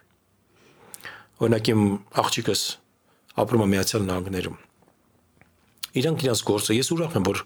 այսօր իրանք իրանցով կարող են ապրեն։ Ինձ մեկը գրել էր, ինքը շատ անգամ իմ աղջիկս այդ իր գործի մեջ է, նույնպես գովազդում է հյուրանոցներ 5 աստղանի կամ բան, բայց դրանք կոլաբորացիաներ են։ Այսինքն ինքը գնում է այդ հյուրանոց ու ռեկլամի համար ու պետք է ապրի այդտեղ բանանի, բայց մարդիկ վերցնում են ասում, դե լավ է, էլի մեր փողերը տանում է քո աղջիկը, որ այնտեղ լավ ապրի։ Գիտեք, իրական դա այնքան վիրավորական, անգամ իմ երեխան իրավունք չունի, իր գործով զբաղվի, բոլորը սենց ասեմ ցես, որ իմ աղջկան ես գումարներով չեմ օգնում։ Ինքն է ինձ նվերներ ուղարկում։ Այսինքն ես ոչ մանու իրանք կայացած մարդիկ են երկուսն էլ։ Ու ինչու իրանք չեն կարող ապրեն այդպիսի կյանքով։ Ահա գիտեք ցավալի է մեկ անգամ մեկ-մեկ որտեղ իմ երեխաները մեծացել են այդ ճշմարտների տակ երբ որ իմ աղջիկս ինձ ասեց ես չեմ ուզի հովիկին դառնամ ասի ինչու ասես պապ ես ուզում եմ մտնեմ խանութից իմ ուզած մեքենան առնեմ ու ոչ ոք չասի քեզ որտեղից ես ում բիզնես ունենամ կամ աս ու ես հասկացա իրականում այնքան էր ամենտեղ շոշափվում մեր ընտանիքյանը աննան որ երկնքում է գնաց համալսարան սովորելու ինքը դու ճանաչում ես խելացի աղջիկ էր ասենք թե անգլերեն ռուսերեն հայերեն գիտեր իր գրվածքները ոչ ոք իր գաղափարը չվերցրեց միանգամից աղանդավորի աղջիկը իրան ուզում են գլորեին համալսարանի աստիճաններից գլորեին ներքև ու մի հատ այնս տանջանք ու հալածանք ունեցավ Փարք ասու հիմա գիտեք ես փարք եմ տալի աստուն այս կառավարության համար որ եկել է գիտեք Միգուցե քաղաքական դաշտում սև ու սպիտակը մնացել է, բայց հասարակության մեջ դու ես ես, դու ես ես, դու ես ես։ Արդեն դա չի մնացել։ Եթե մենք ապրենք առաջվա ոչ թե կառավարության առաջվա այդ համակարգի մեջ, հավատացեք հիմա կորոնավիրուսն է մեզ կկպցնեին։ Ահա։ Որը դել մենք բերեցինք։ Հովարդ, իսկ նման հարցը, շատ մարդիկ մտածում են, որ քրիստոնյան պիտի լինի աղքատ։ Քրիստոնյան պիտի լինի աղքատ։ Քրիստոնյան պետք է լինի օրհնված։ Ահա, պիտի լինի օրհնված։ Բայց նույնպես Աստված տալիս է ուժ հարստանալու համար դա ասում Աստվածաշունչը ոչ թե ես։ Բայց եթե ինչ-որ մեկը աղքատ է, դա մեղք չի։ Ահա։ Պարզապես դա իր անդրաս կյանքն է։ Ես չեմ մտածում, որ քրիստոնյան կարա աղքատ լինի, բայց ոչ մուրացկան։ Գիտեք, աղքատ այսօր հարաբերական հասկացողություն, այսինքն աղքատ ասելով ինչ նկատի ունենք մեկ օրինակի համար ունի գումար օրվա ու կերակուր ուտումը լույսի փողն է հազիվ տալիս կամ մյուսը ասում են իրեն աղքատ է բայց եթե համեմատենք ասենք թե ուրիշ Պակիստանի հետ իրանք մեծ հարուստներ են որովհետև ապրում են բնակարանում Ես գիտեմ, որ դուք թողել եք շատ բաներ եւ ձեր փաստաթղթերը, այսինքն ինչ որ նախապատրաստում եք, որ գնայիք Ամերիկայի Միացյալ Նահանգներ ու ունենայիք բիզնես եւ այլն եւ որը հաստատ կհաջողվեր։ Այդ ամենը թողել եք ու սկսել եք ընթացքը կարելի անվանել զրոյից։ Ես զրոյց հոգևոր կյանքը սկսեցի ու ամեն ինչ զրոյց եմ սկսել այդտեղ։ Մենք կնոջս հետ ապրում էինք Վարչով տանը, այդտեղ զրոյից ու Տերը սկսեց մեզ օրհնել անգամ մեր տունը թե ոնց եկավ մեր կյանքում։ Իհարկե Միացյալ Նահանգներում ես շատ կհաջողվեի։ Անգամ ինձ առաջարկ եղավ 96 թվականին կավկաներ թե 97 մի մեծ արուստ հայր ու մի հрья, որ ես Beverly Hills-ում Beverly Hills-ը գիտեք ինչ փողոց է, իրոք աստու առաջ եմ ասում, կա վկան, որ կարելի վկայի խոսակցության մեջ կար։ Լինեմ 4 ընտանիքի հովիվ։ Իրանք ինձ առաջարկում էին ընտանիքիս ապահովությունը, երեխաներիս կրթությունը, Ամերիկայում լավ կյանք, լավ աշխատավարձ, բայց ես պետքա հովություն անեի իրանց ընտանիքներին ու ապնակվեի Beverly Hills-ում, ինքը իրանք ինձ տրամադրում էին մեծ տարածության մեջ մի տուն կար, որը տրամադրում էին ինձ ու պատրաստ էին 10-15 տարվա պայմանագիր կնքեին ինձ հետ։ Գիտեք ինչ որ, որ ժամանակ որտեղ լույս չկա, հույս չկա, սառնամանիկ ու քեզ տենց առաջարկ են անում։ Բայց գիտեք ես հերոս չեմ Ես պարզապես տիրոջ ներկայությունն եմ զգում։ Գիտեք, երբ որ տիրոջ ներկայությունը գալիս է, քեզ հերոսացնում է։ Ես ասի, ես իմ երկիրը չեմ թողի։ Ես եկա, ինձ լիովին նվիրեցի այս ծառայությանը, այս կյանքին նվիրեցի։ Մենք չունենք ոչ մի բան։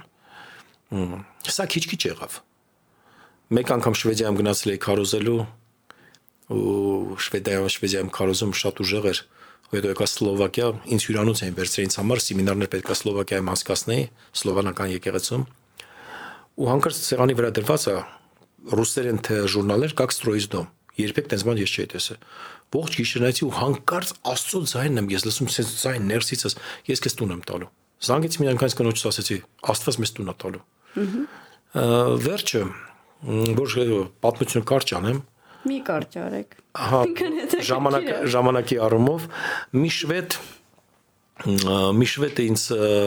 զանգեց, ասաց, որ դու Եփրոստե դե Կարոզել ես լիքը հայտնություններ եմ ստացել, ուզում քեզ նվեր տամ։ Ոսի ինձ նվեր ու ասաց քեզ 1000 դոլար եմ ուղարկում։ 1000 դոլար է ժամանակ լուրջ գումար էր, այստեղ պատերազմ, Ղարաբաղի պատերազմն, բաննա։ Ես շատ ուրախացա։ Միանգամից այդ 1000 դոլարից 10-րդ տվեցի, զոհաբերություն տվի։ Ինձ մտնեց 800 դոլար։ Ու Տերը ասաց, ես քեզ ցույց կտամ, թե որտեղ դու պետքա հող առնես։ Դավթաշինի կամուրջը կարծեմ նոր էր սարքում, թե արդեն սարքվել էր, կամուրջի կողքը թաղամաս կա այդտեղ։ Գնացի այդտեղ այդ թաղամասում տերը հող ցույց տվեց։ Հողերը այդ ժամանակ 200 դոլար, 100 դոլար, բայց Աստված ինձ ցույց տվեց հողատարածք ու ես գնացի այդ հողատարածքը 700 դոլարով չի չավ այդ մարդը, հիշում եմ ինքը ֆիդայներ ասում է, իմ միակն է դրա համար վաճառում եմ 100 դոլարն այդտեղ տրվեցի ճարտարապետին, որ ինչ որ տուն այնտեղ սարքեն։ Հետո գիտեք բեու մատերիալներով շինանյութներով, այսինքն առաջվա օգտագործված, փորձում էի տուն սարքել, բան ոչ մի բան չստացվեց։ Ну փող չի, թողեցի։ Ես հասկացա, որ տիրոջ բերը թեթև է։ Եթե ասված մի բան տալիս է, չի դու տարապես տանջվես ֆինանսական տարապանքների մեջ մտնես, ինչ որ բան կառուցեցինք տենց ու թողեցի։ Երբ որ որ հիմա այս ռադիոն անցնում է, այս շենքի այս հարկը, որ պետքա սարքվեր, չկար, անձրև էր գալու կաթում էր մեզ վրա։ Մենք չունենք մեջ շենքը, ու ես դուրս եկել փողոցում մոտ 2 ժամ աղոթքի անում, կենտրոնում ման է գալի ու աղոթքի անում, ասում Տեր Աստված, դուր մեզ մեր փայը։ Աստվածաշնչի մեջ կինը ասեց երեխայից բուժի ասես իր լավ չի շներից վերս երեխաներից վերս շները տա շներին տալ ու այդ կինը ասեց եթե շունեմ դու ինձ իմ շամփայ է ասի եթե շամփայ կար մենք է քո զավակներն ենք մի հատ կտուր ենք ուզում ու ինձ տեր ասես դու տուր ասի ես չունեմ գումար ու լրեց ոնց որ ես լսի աստծո ձայնը ու եկա մտածում ինչ ունեմ ու հիշեցի թողա ասի ինչքանով կծախեմ վերջը ես դա ծախել եմ վաճառել եմ 95000 դոլարով 95000 դոլարի 45000 դոլարը դրեցինք այստեղ։ Գնացի արդեն նորից մինչև այսօր հիշում եմ կնոսը 9000 դոլարով այդ հողարան, որը հիմա մենք ունենք, այդ բոլոր հիմա նայում են մարտիկ այգին, այգին ծառները մենք մենք ենք տնկել ու այդ ժամանակ շինարարությունը շատ էժան էր, այդ մի հարկանի տունը ես սարքեցինք։ Հիմա գեները իհարկե բարձացել է ու որի տեղ էլ մինչև այսօր ապրում ենք մենք իհարկե հետո ժամանակի ընթացքում ռեմոնտ արեցինք բան ու իմ երեխաները մեծացան այդ տանը ու մենք այդ տանը ապրեցինք այդպես ես ստացա իմ տունը ես ասում եմ օրտնված եմ չէ Դե դա անհավանական է էլի։ Բայց այդ ժամանակ ես հայտնություն ստացա իրականում հողերի ու որ այսօր եկեղեցին շատ հողատարածքներ ուներ, մենք եկեղեցու եկած գումարները չենք ծախսում ժողովներ, այ գետիններ էինք առնում, հողեր էինք առնում։ Այսօր մենք շատ հողատարածքներ ունենք շատ չէ, բայց իրականում Երևանի մեջ ունենալ տենց շենք, այդ մյուսը տեղից սկսվեց, ու տեղից սկսվեց ես գյուղերում, ռայոններում գնացի, որպեսի ցանելու համար հողատարածքներ առա, այդ էլ սկսվեց մյուս կոմը զարգանալ իմ։ Ահա։ Ինչ հետաքրքիր է, չէ՞, ընդհանրապես Աստված է ցույց տվել հող, որը որ հետաքրքիր է որն է, որ ես մարդկանց ասեցի, մարդիկ ունեն, ես ունեի ընդհանրապես 1000 դոլար, 700 դոլարներ, 800 դոլարներ էցեք։ Իսկ մարդիկ ունեն 6000 դոլար, 10000 գնում քշած մեքենաներ էին առնում, ասում էի, խնդրում եմ, այստեղ հողա տարած կարեք։ Ուրեմն, եթե ինձ լսեին, իրանք կառնեին մոտարապես, հետո այդ գինը բարձացավ ավելի, 95-ից հասավ 150.000, որովհետև տեղը փոքր էր, հող չկար։ Այդ ժամանակ լիքը հողեր էին վաճառում։ Ասի խնդրում եմ հողեր առեք։ Պատկերացնում եք, եթե 6-7000-ով հողեր առածնեին, հիմա իրենք կլին միլիոնատեր։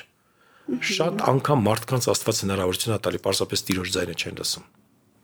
Ու շատ հետաքրքիր, այսինքն դուք ամբողջությամբ ծառայության մեջ եք եկեղեցում եւ Աստված ձեր ֆինանսների հոգսը վերցնում է իր վրա։ Դուք ասացիք, որ հովլուսների հետ ունեք որոշում, ինչ տեսքով է լինելու ձեր տասանորդը, ինչ տեսակի եւ բովանդակության եւ այլն, չէ՞։ Մենք տասանորդից շատ ենք տալի իհարկե։ Ահա։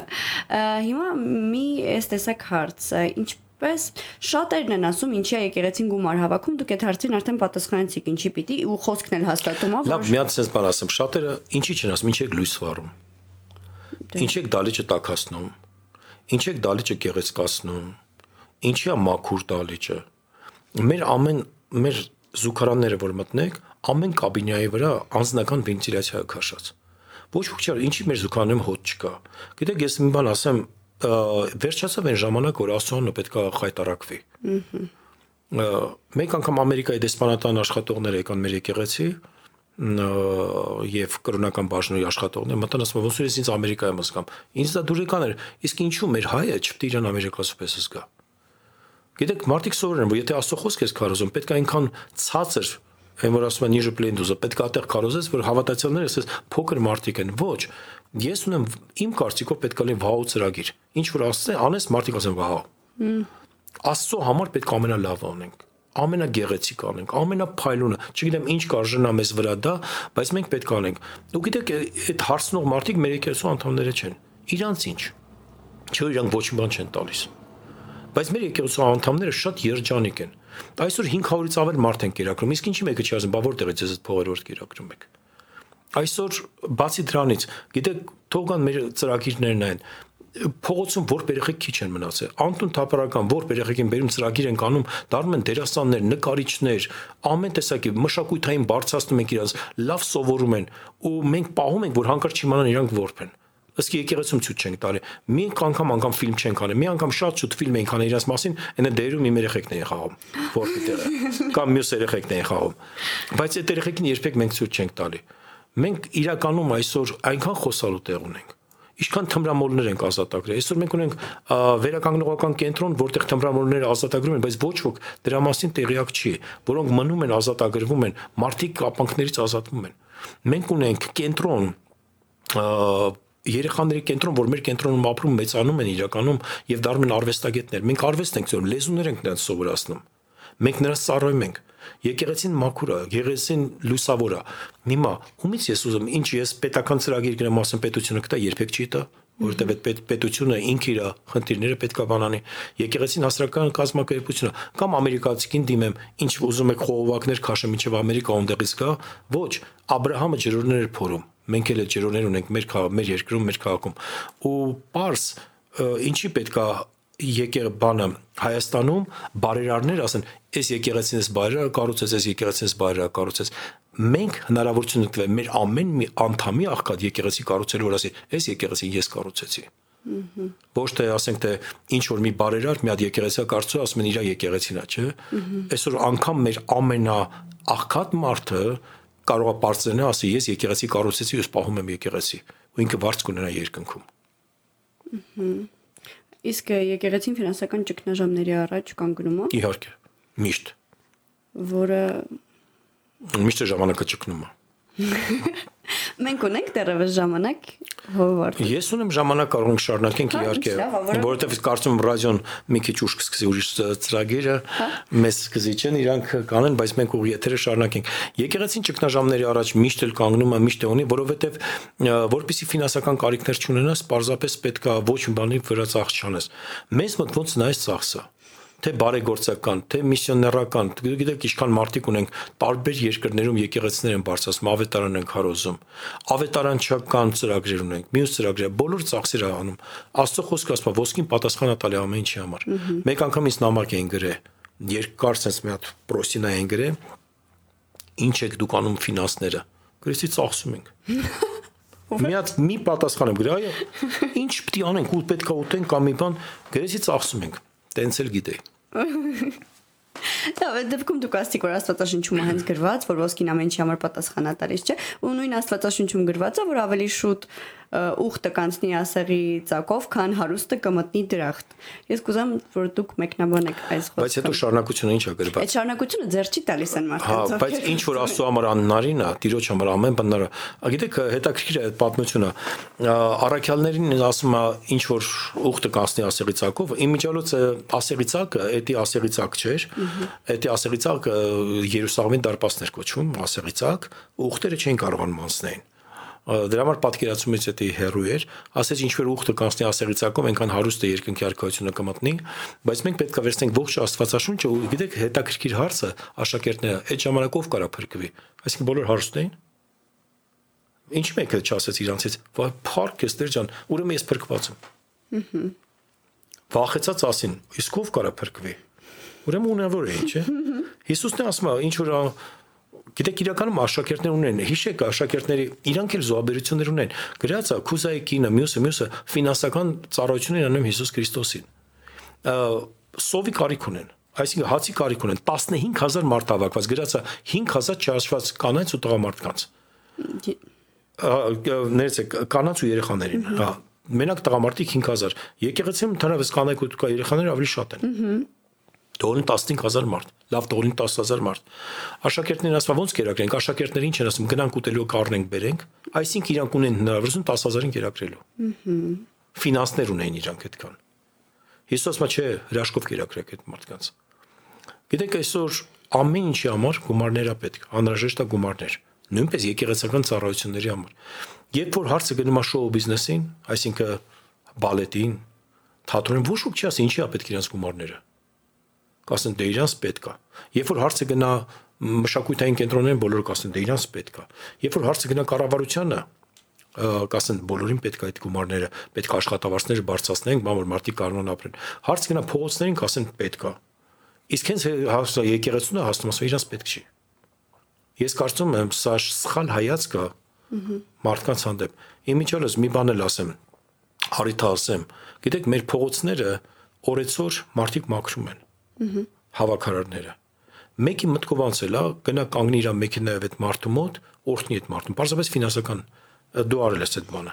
Մեր եկեղեցին էլ արել այդ բանը։ Մենք ժամանակ առ ժամանակ այդ մարդկանց օրհնում ենք։ Գիտեք, իրականում այսօր ֆինանսները միջոցներ են տալի, որպեսզի դու ավելի շատ բաներ անես։ Եվ նորից կրկնում եմ, ֆինանս հավաքելը ոչ մեղքի ընդ որում պետական, մենք դա իրավունք ունենք։ Մեր կանոնադրության մեջ գրված է, հաստատված է պետության կողմից։ Մենք դրամաշրջության չենք զբաղվում։ Բոլորը գնում է ֆինանսի։ Ոնց է կառուցվում այդ ամենը։ Ես պատրեն ձեզ։ Երբ որ հավաքվեց մեզ մոտ զոհաբերությունը, Անեն չի որ Արտուր Սիմոնյանը գնում ու հաշվում այդ փողերը, ոչ։ Ես իրավունք չունեմ այդտեղ մտեմ։ Ֆինանսական սենյակում բաղկացած է 13-15 հոգի մարդուց։ Բոլորով հաշվում են այդ գումարները ու բոլորը ստորագրում են այդ դոկումենտը, դա կա եկեղեցում ու երբ որ գալիս են ստուգում են, դա կարող են տեսնել։ Ու իրանք գրանցում են ու ստորագրում են թե ինչքան գումարը հավաքված։ Եվ դա Կիրակի օր է։ Երկու շաբթի օրը մեր ֆինանսները գնում է բանկ։ եւ բանկից փոխանցումները արվում մեր ծախսերի վրա։ Այսինքն մեր ֆինանսները կարելի է հսկել ամեն րոպե, ամեն օր իշքան ուզում եք։ Բացի դրանից մենք տարին մեկ անգամ, այս տարի չեն կարել իհարկե, որովհետեւ սենց խառնաշփոթ տարի էր, բայց կանենք հաշվետվություն ենք տալի մեր անդամներին, թե որտեղ ֆինանսները վաճառվում, ծախսվում։ Բացի դրանից մեզ ստուգում է։ Մենք ենք վճարում, որպեսզի մեզ ստուգեն։ Ահա Հով Արտուր 10-րդի հետ կապված մի հարց ունեմ, որովհետև 10-րդի վերաբերյալ հիմնական գրված է Մաղաքիայի գրքում, չէ՞։ Ինչի ամ նոր կտականում եկա։ Հա, Մաթեոսում։ Բացի այդ եբրայացից թղթում եկա։ Գրված է, որ մարդկանց մեջ հարց կա, որը երևի թե ասեմ դուք պատասխանեք 10-րդ հաշվում են այն ամբողջ գումարը, որ գալիս Այսինքն, եթե մարդը ունի 100.000 դրամ աշխատավարձ, որոնց որտեղից ունի ծախսեր, չէ, ինքը պիտի դա հոգա եւ հետո 10-րդը հանի, թե ամբողջական եկամուտից պետքա 10-որդը հաշվի։ Գիտեք, դա փոխհարաբերությունը մարդու աստծո հետ։ Աստված գրել է 10-րդ ու մարդ ինքն է որոշում, այսինքն ես ու իմ ընտանիքը մենք տենց ենք մեր երեխեքին դասիրակ է, բոլոր եկամուտից մենք 10-րդ ենք տալի։ Եթե ես մի բանկա մեղր տնեմ ու ասեմ 10%-ը քոնն է։ Հետո մնացածը դու ոնց կմտածես, արի բոլորը թող վերցնեն վրից,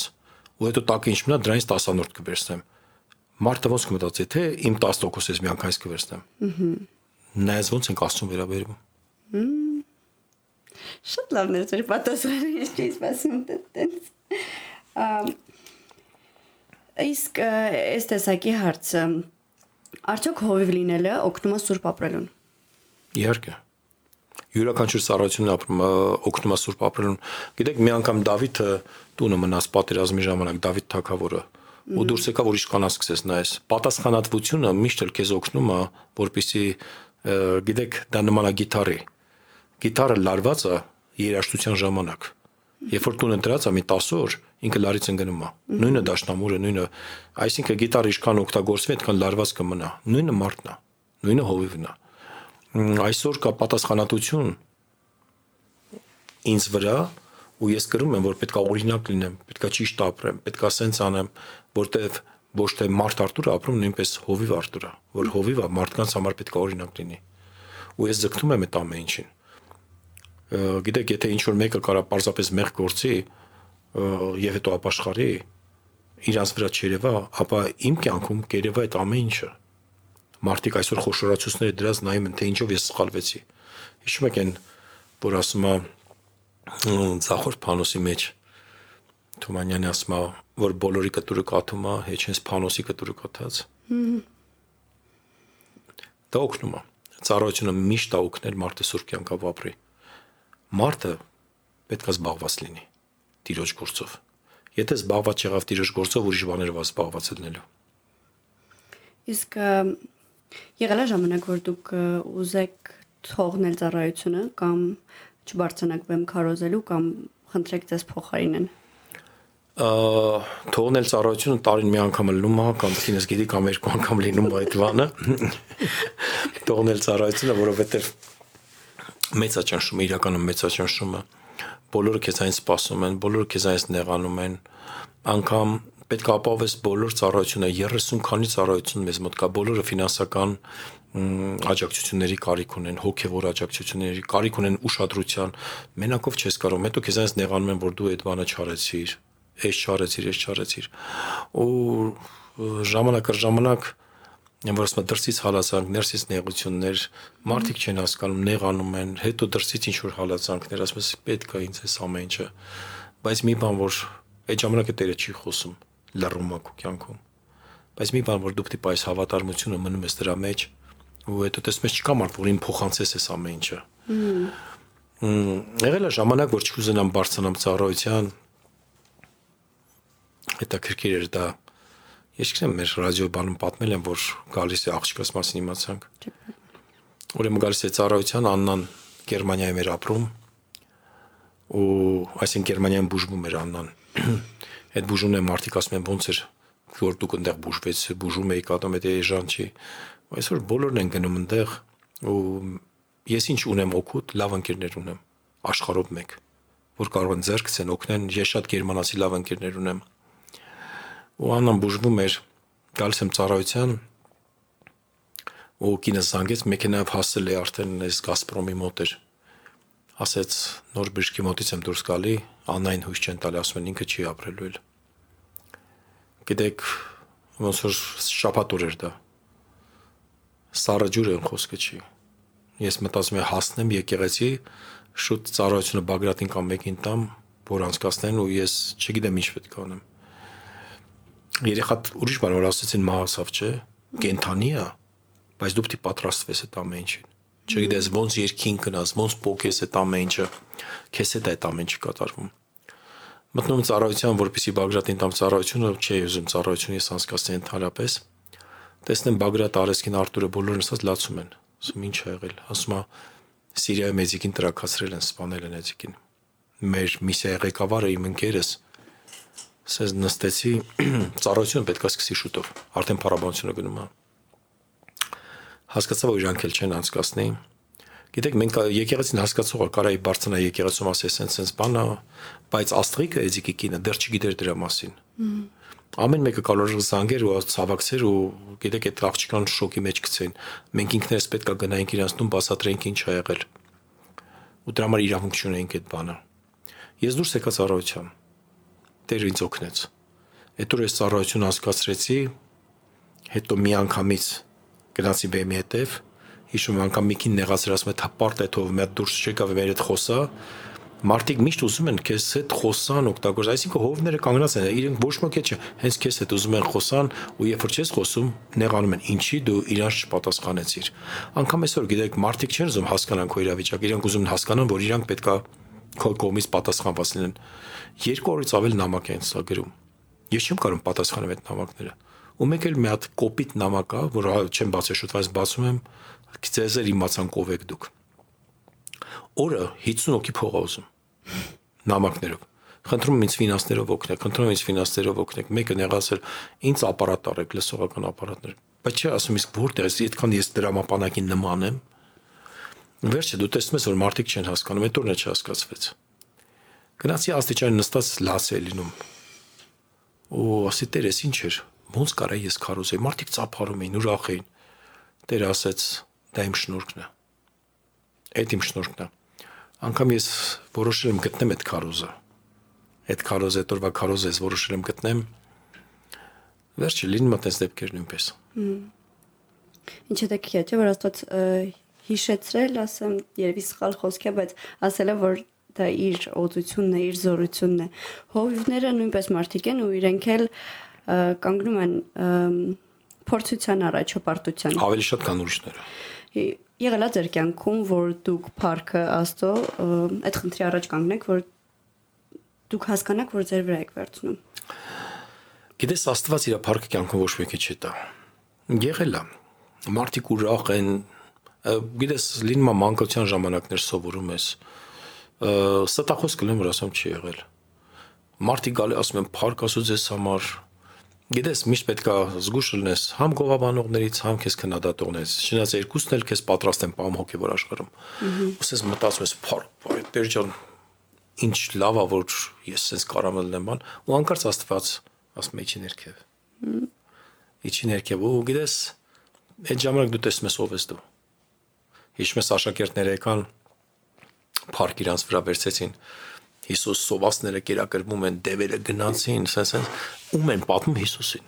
որ Հիսուս իրենց ուղարկեց։ Այդ այնց մանկության մեջ մենք էլ ենք ելնում։ Հեսա մի հետաքրիր պատմություն եք պատմեմ։ Հիսուս ասեց այդքան լավն եք, դե կերակրեք այս մարդկանց։ Գրանք առնեն կանք, չէ, դուք կերակրեք։ Ու ինչն է հետաքրքիր, Աստված հրաշք արեց ու գրածա 12 զամբյուղ մնաց ավել։ Ինչի, որ 12 հոգի վեկալեն զամբյուղներ անապատով գնան ու մի քիչ խոնարհվեն, էլի չէր անցել։ Բա ինչի 12 մնաց։ Դա է իմ կարծիքն է։ Մի անգամ բժշկության ծառայություններ ոնց որ հրճակեցինք, դեր կինորասիայում ենք հավաքում շատ շուտեր։ Ամեն օր դևերը գնում էին, դիվարներ պրոստը ազատագրվում էին։ Մարտիկ բուժվում էին, հայտարեցի, որ կալյասկայից բարձրացնած կբարձրացնենք մի շաբաթ։ Կալյասկով մարդիկ բերեցին մի տղա ձեռնես քաշեցի, կանգնեց, բոլորը ծափարեցին, որտեղ կալյասկայից վրա կանգնեց ինքը։ Ու հետո էլ նստեց ու չկարողացա, բայց ծնողները ուրախ են, որ ինքը անգամ կանգնեց։ Ես հիաստափված տուն եկա, ասում Տեր դու ինձ խայտարակ արեցիր։ Ես մարդ չեմ կարա բուժեմ։ Ինչի դու չբուժեցիր այդ տողում։ Ու Տերը Սուրբ Օգնից հարցվեց։ Իսկ ուզեր դու դալիճում նստեիր, ուրիշը այդ մարդուն բարձրացներ։ Ու ես զգացի, որ ես չի ուզի, ու հասկացա, ոչ թե ես մտածում եմ այդ մարդու բժշկության համար, այլ մտածում եմ փառքի համար։ Դա այնքան մի բան է, որ չես զգում դա եփա։ Ես ընկա գետնին ապաշխարեցի, իմ սիրտը փոխեցի։ Հիմա ով ուզում անի, կարևորը մարդը բժշկվի։ Այդտես մենք շատ անգամ ինքներս մեզ հետ հանդիպում ենք։ Վաու։ Հոյ Վարդեր, դուք ասացիք, որ ես մի շաբաթ ձեզ չեմ տեսել դրա համար շատ եմ էլի հարցեր տալիս։ Դուք ասացիք, որ դպրոցում չեք սիրել սովորել։ Ոնց սովորել սիրել եմ կարելի ասել, բայց կային թեմաներ, որ իմն էր, կար, որ իմը չէր։ Հա, բայց չեք մտածել, չէ՞ որ գիրք եք գրելու։ Հմ, երբեք։ Ասում ավելին, ես դիսլեկցիա ունեմ այդ ժամանակ չկար, հիմա բոլորը գիտեն, գիտեք ինչա դիսլեկցիա, երբ որ տառները փոխնում են քեզ այս։ Ու շատ անգամ դա անգամ քարոզ ժամանակ կարդալուց ես կարող եմ մի հատ ուրիշ բառ ասեմ դրա տեղը, տառերը փոխնում են, հետո գալիս են, բայց դա ինձ օգնում է անգիր եմ անում շատ տեղեր։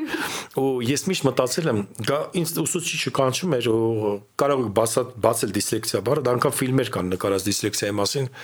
լիքը տես բաներ կա օրինակ գրատախտակ վրա գրածա օրինակ սև արջ չէ կարող բայց ուրիշ բան կարդամ որովհետև այդ սևը փախնում է սևի տեղ ուրիշ բան է գալիս այսինքն տենց ոնց որ դիսլեքսիան գիտեն ինչա տարերը բացակայում է ես վրցում նամակ եմ գրում ասենք թե մեկ էլ տեսնում եմ ինձ երկուս են դրա ասում ինչի որովհետև այդքան տառ ես կարմիրով վրա գոյություն չունի իսկ ես գիտեմ գրել եմ այդ տառերը կամ էլ ավել ես գրում կամ է մեկ կարդում ես կա մեկ կարդում ես կա դրա համար ես շատ էի տարապում գրավորների բանի վրա ու ես միշտ մտածում էի որ գրավորը իմը չի լինելու, ես հերո եմ լինելու ընդհանրապես գրել, կարդալուց, մյուս մյուս բաներ։ Չնայած կարդալ միշտ սիրել եմ գեղարվեստական գրքեր կարդալը, ես դա ես միշտ սիրել եմ պատմական գրքերը ու երբ որ ես ասում եկա, ես չգիտեի, որ ինձ կանչելու է մի բանի, որ ես պետքա գրի կարդալու մեջ լինեմ, ու երբ որ առաջի գիրքը, որ Աստված ասեց գրի, դուք չեք պատկասի ես գիրք գրեմ, ու չգիտեմ, մինչև այսօր ինչքան գիրք գրել եմ, ինքը ոնց որ ասած չի եղել որ պոլկաների վրա մնա դուրս նամանավան դուրս այստեղ Հայաստանում է որ մնա բոլորը եղելացրված բոլորը վաճառված ու պահանջարկը միշտ մինչև այսօր էլ կա ու հիմա մի գրքի վրա էլ աշխատում եմ էլի ընտանիքի մասին չգիտեմ սա տիրոջ փառքն է սա ես չեմ ես լավ գիտեմ ով եմ ես Իսկ ձեր վերջին գրքի մասին ինչ կասեք ինչի գրեցիք քույրերը լեռնագիրը գիտեմ Իմիջիալոց հիմա Հայաստանում արդեն ինքը կա ու սպասում ենք երբ ծառայությունը կվերքսեն որ ամեն մեկին տան ես ուզում ծրի բաժանեմ իմ եկեղեցում իմ ժողովրդին ծրի բաժանեմ ինքը շատ հետաքրքիր գիրք է ոչ թե ես եմ ասում բոլորն են վկայում կարող եք տեսնել մի շնչով կարդացվող գիրք է կանանց պատմությունն է ես տեսա որ շատ հերոսա միշտ հերոս են տղամարդիկ բայց ես կանանց գտա, որոնք շատ երեխաներ ունեցել ու դժվար կյանքում ճիշտ դասիրակեն իրաց երեխաներին։ Ինչ գինեն վճարը ու ես ոնց որ ասած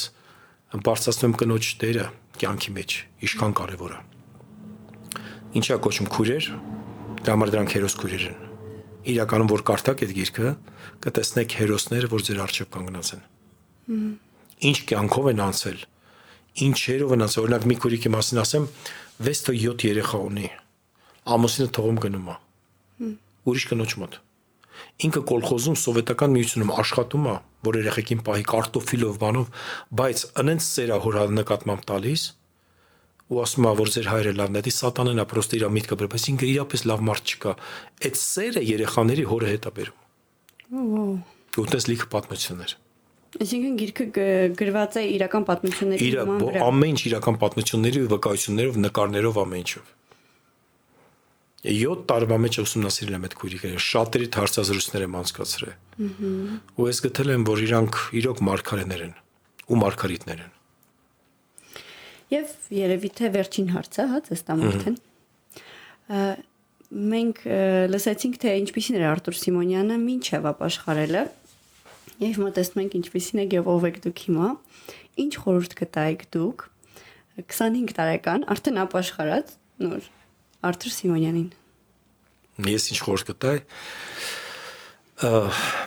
Հիսուսի հետևից կայլի։ Գնամ Քրիստոսի հետևից ու մնա հավատացյալ։ Ինչ էլ կյանքում որ լինի, ու կասել լինելու է, ու շատ դժվար է լինելու։ Չի հաստատվես ոչ մի օրիդ համար։ Դա դուք խորհուրդ կտայիք որպես հովիվ, թե որպես մարդ։ Որպես մարդ։ Երևի տենց խորհուրդ կտայի։ Իհարկե շատ բաներ կտայի խորհուրդ, որ չասը, չաներ, բայց հետաքրիր հարց է։ Հիմա ես մտածում երևի խորհուրդ չի դա։ Շատ անգամ խորհուրդները խանգարում են։ Կորտնեք ասեի գնա առաջ։ Ես իմ այնքան բան գիտեմ, որ եթե ես ինձ խորհուրդ է 21 տարեկանում կամ 25 տարեկանում ես լիքը լավ բաներ չի անի, զգուշավոր կլինեի։ Երևի խորտ չէ դա կլրեի։ Վաու։ Շնորհակալ եմ շատ Հովիվյան։ Ես պիտի խնդրեմ, որ ելի աղոթեք մեծ օրհնեք։ Հայր իմ Աստված Հիսուս Քրիստոսի անունով աղոթք եմ անում, խնդրում եմ քո օրհնությունը Տեր բոլոր մեր այսօր լսողների, տեսնողների վրա լինի։ Քո զորությունը թող իջնի ամեն մեկի վրա Փառք ենք քեզ տալիս Տեր։ Դու մեր ամենալավ Աստվածն ես, խնդրում եմ, քո ձեռքերի մեջ պայես եւ օրհնես ամեն մեկին, հոր որդու եւ Սուրբ Հոգու անունով։ Ամեն։ Շնորհակալ եմ շատ հովիճան բոլոր հարցերին պատասխանելու համար։ Ես էլ ձեզ էի շատ կարոտել։ Դե ձեզ ասում ենք հաջողություն, բայց այն անպայման կհանդիպենք։ Առայժմ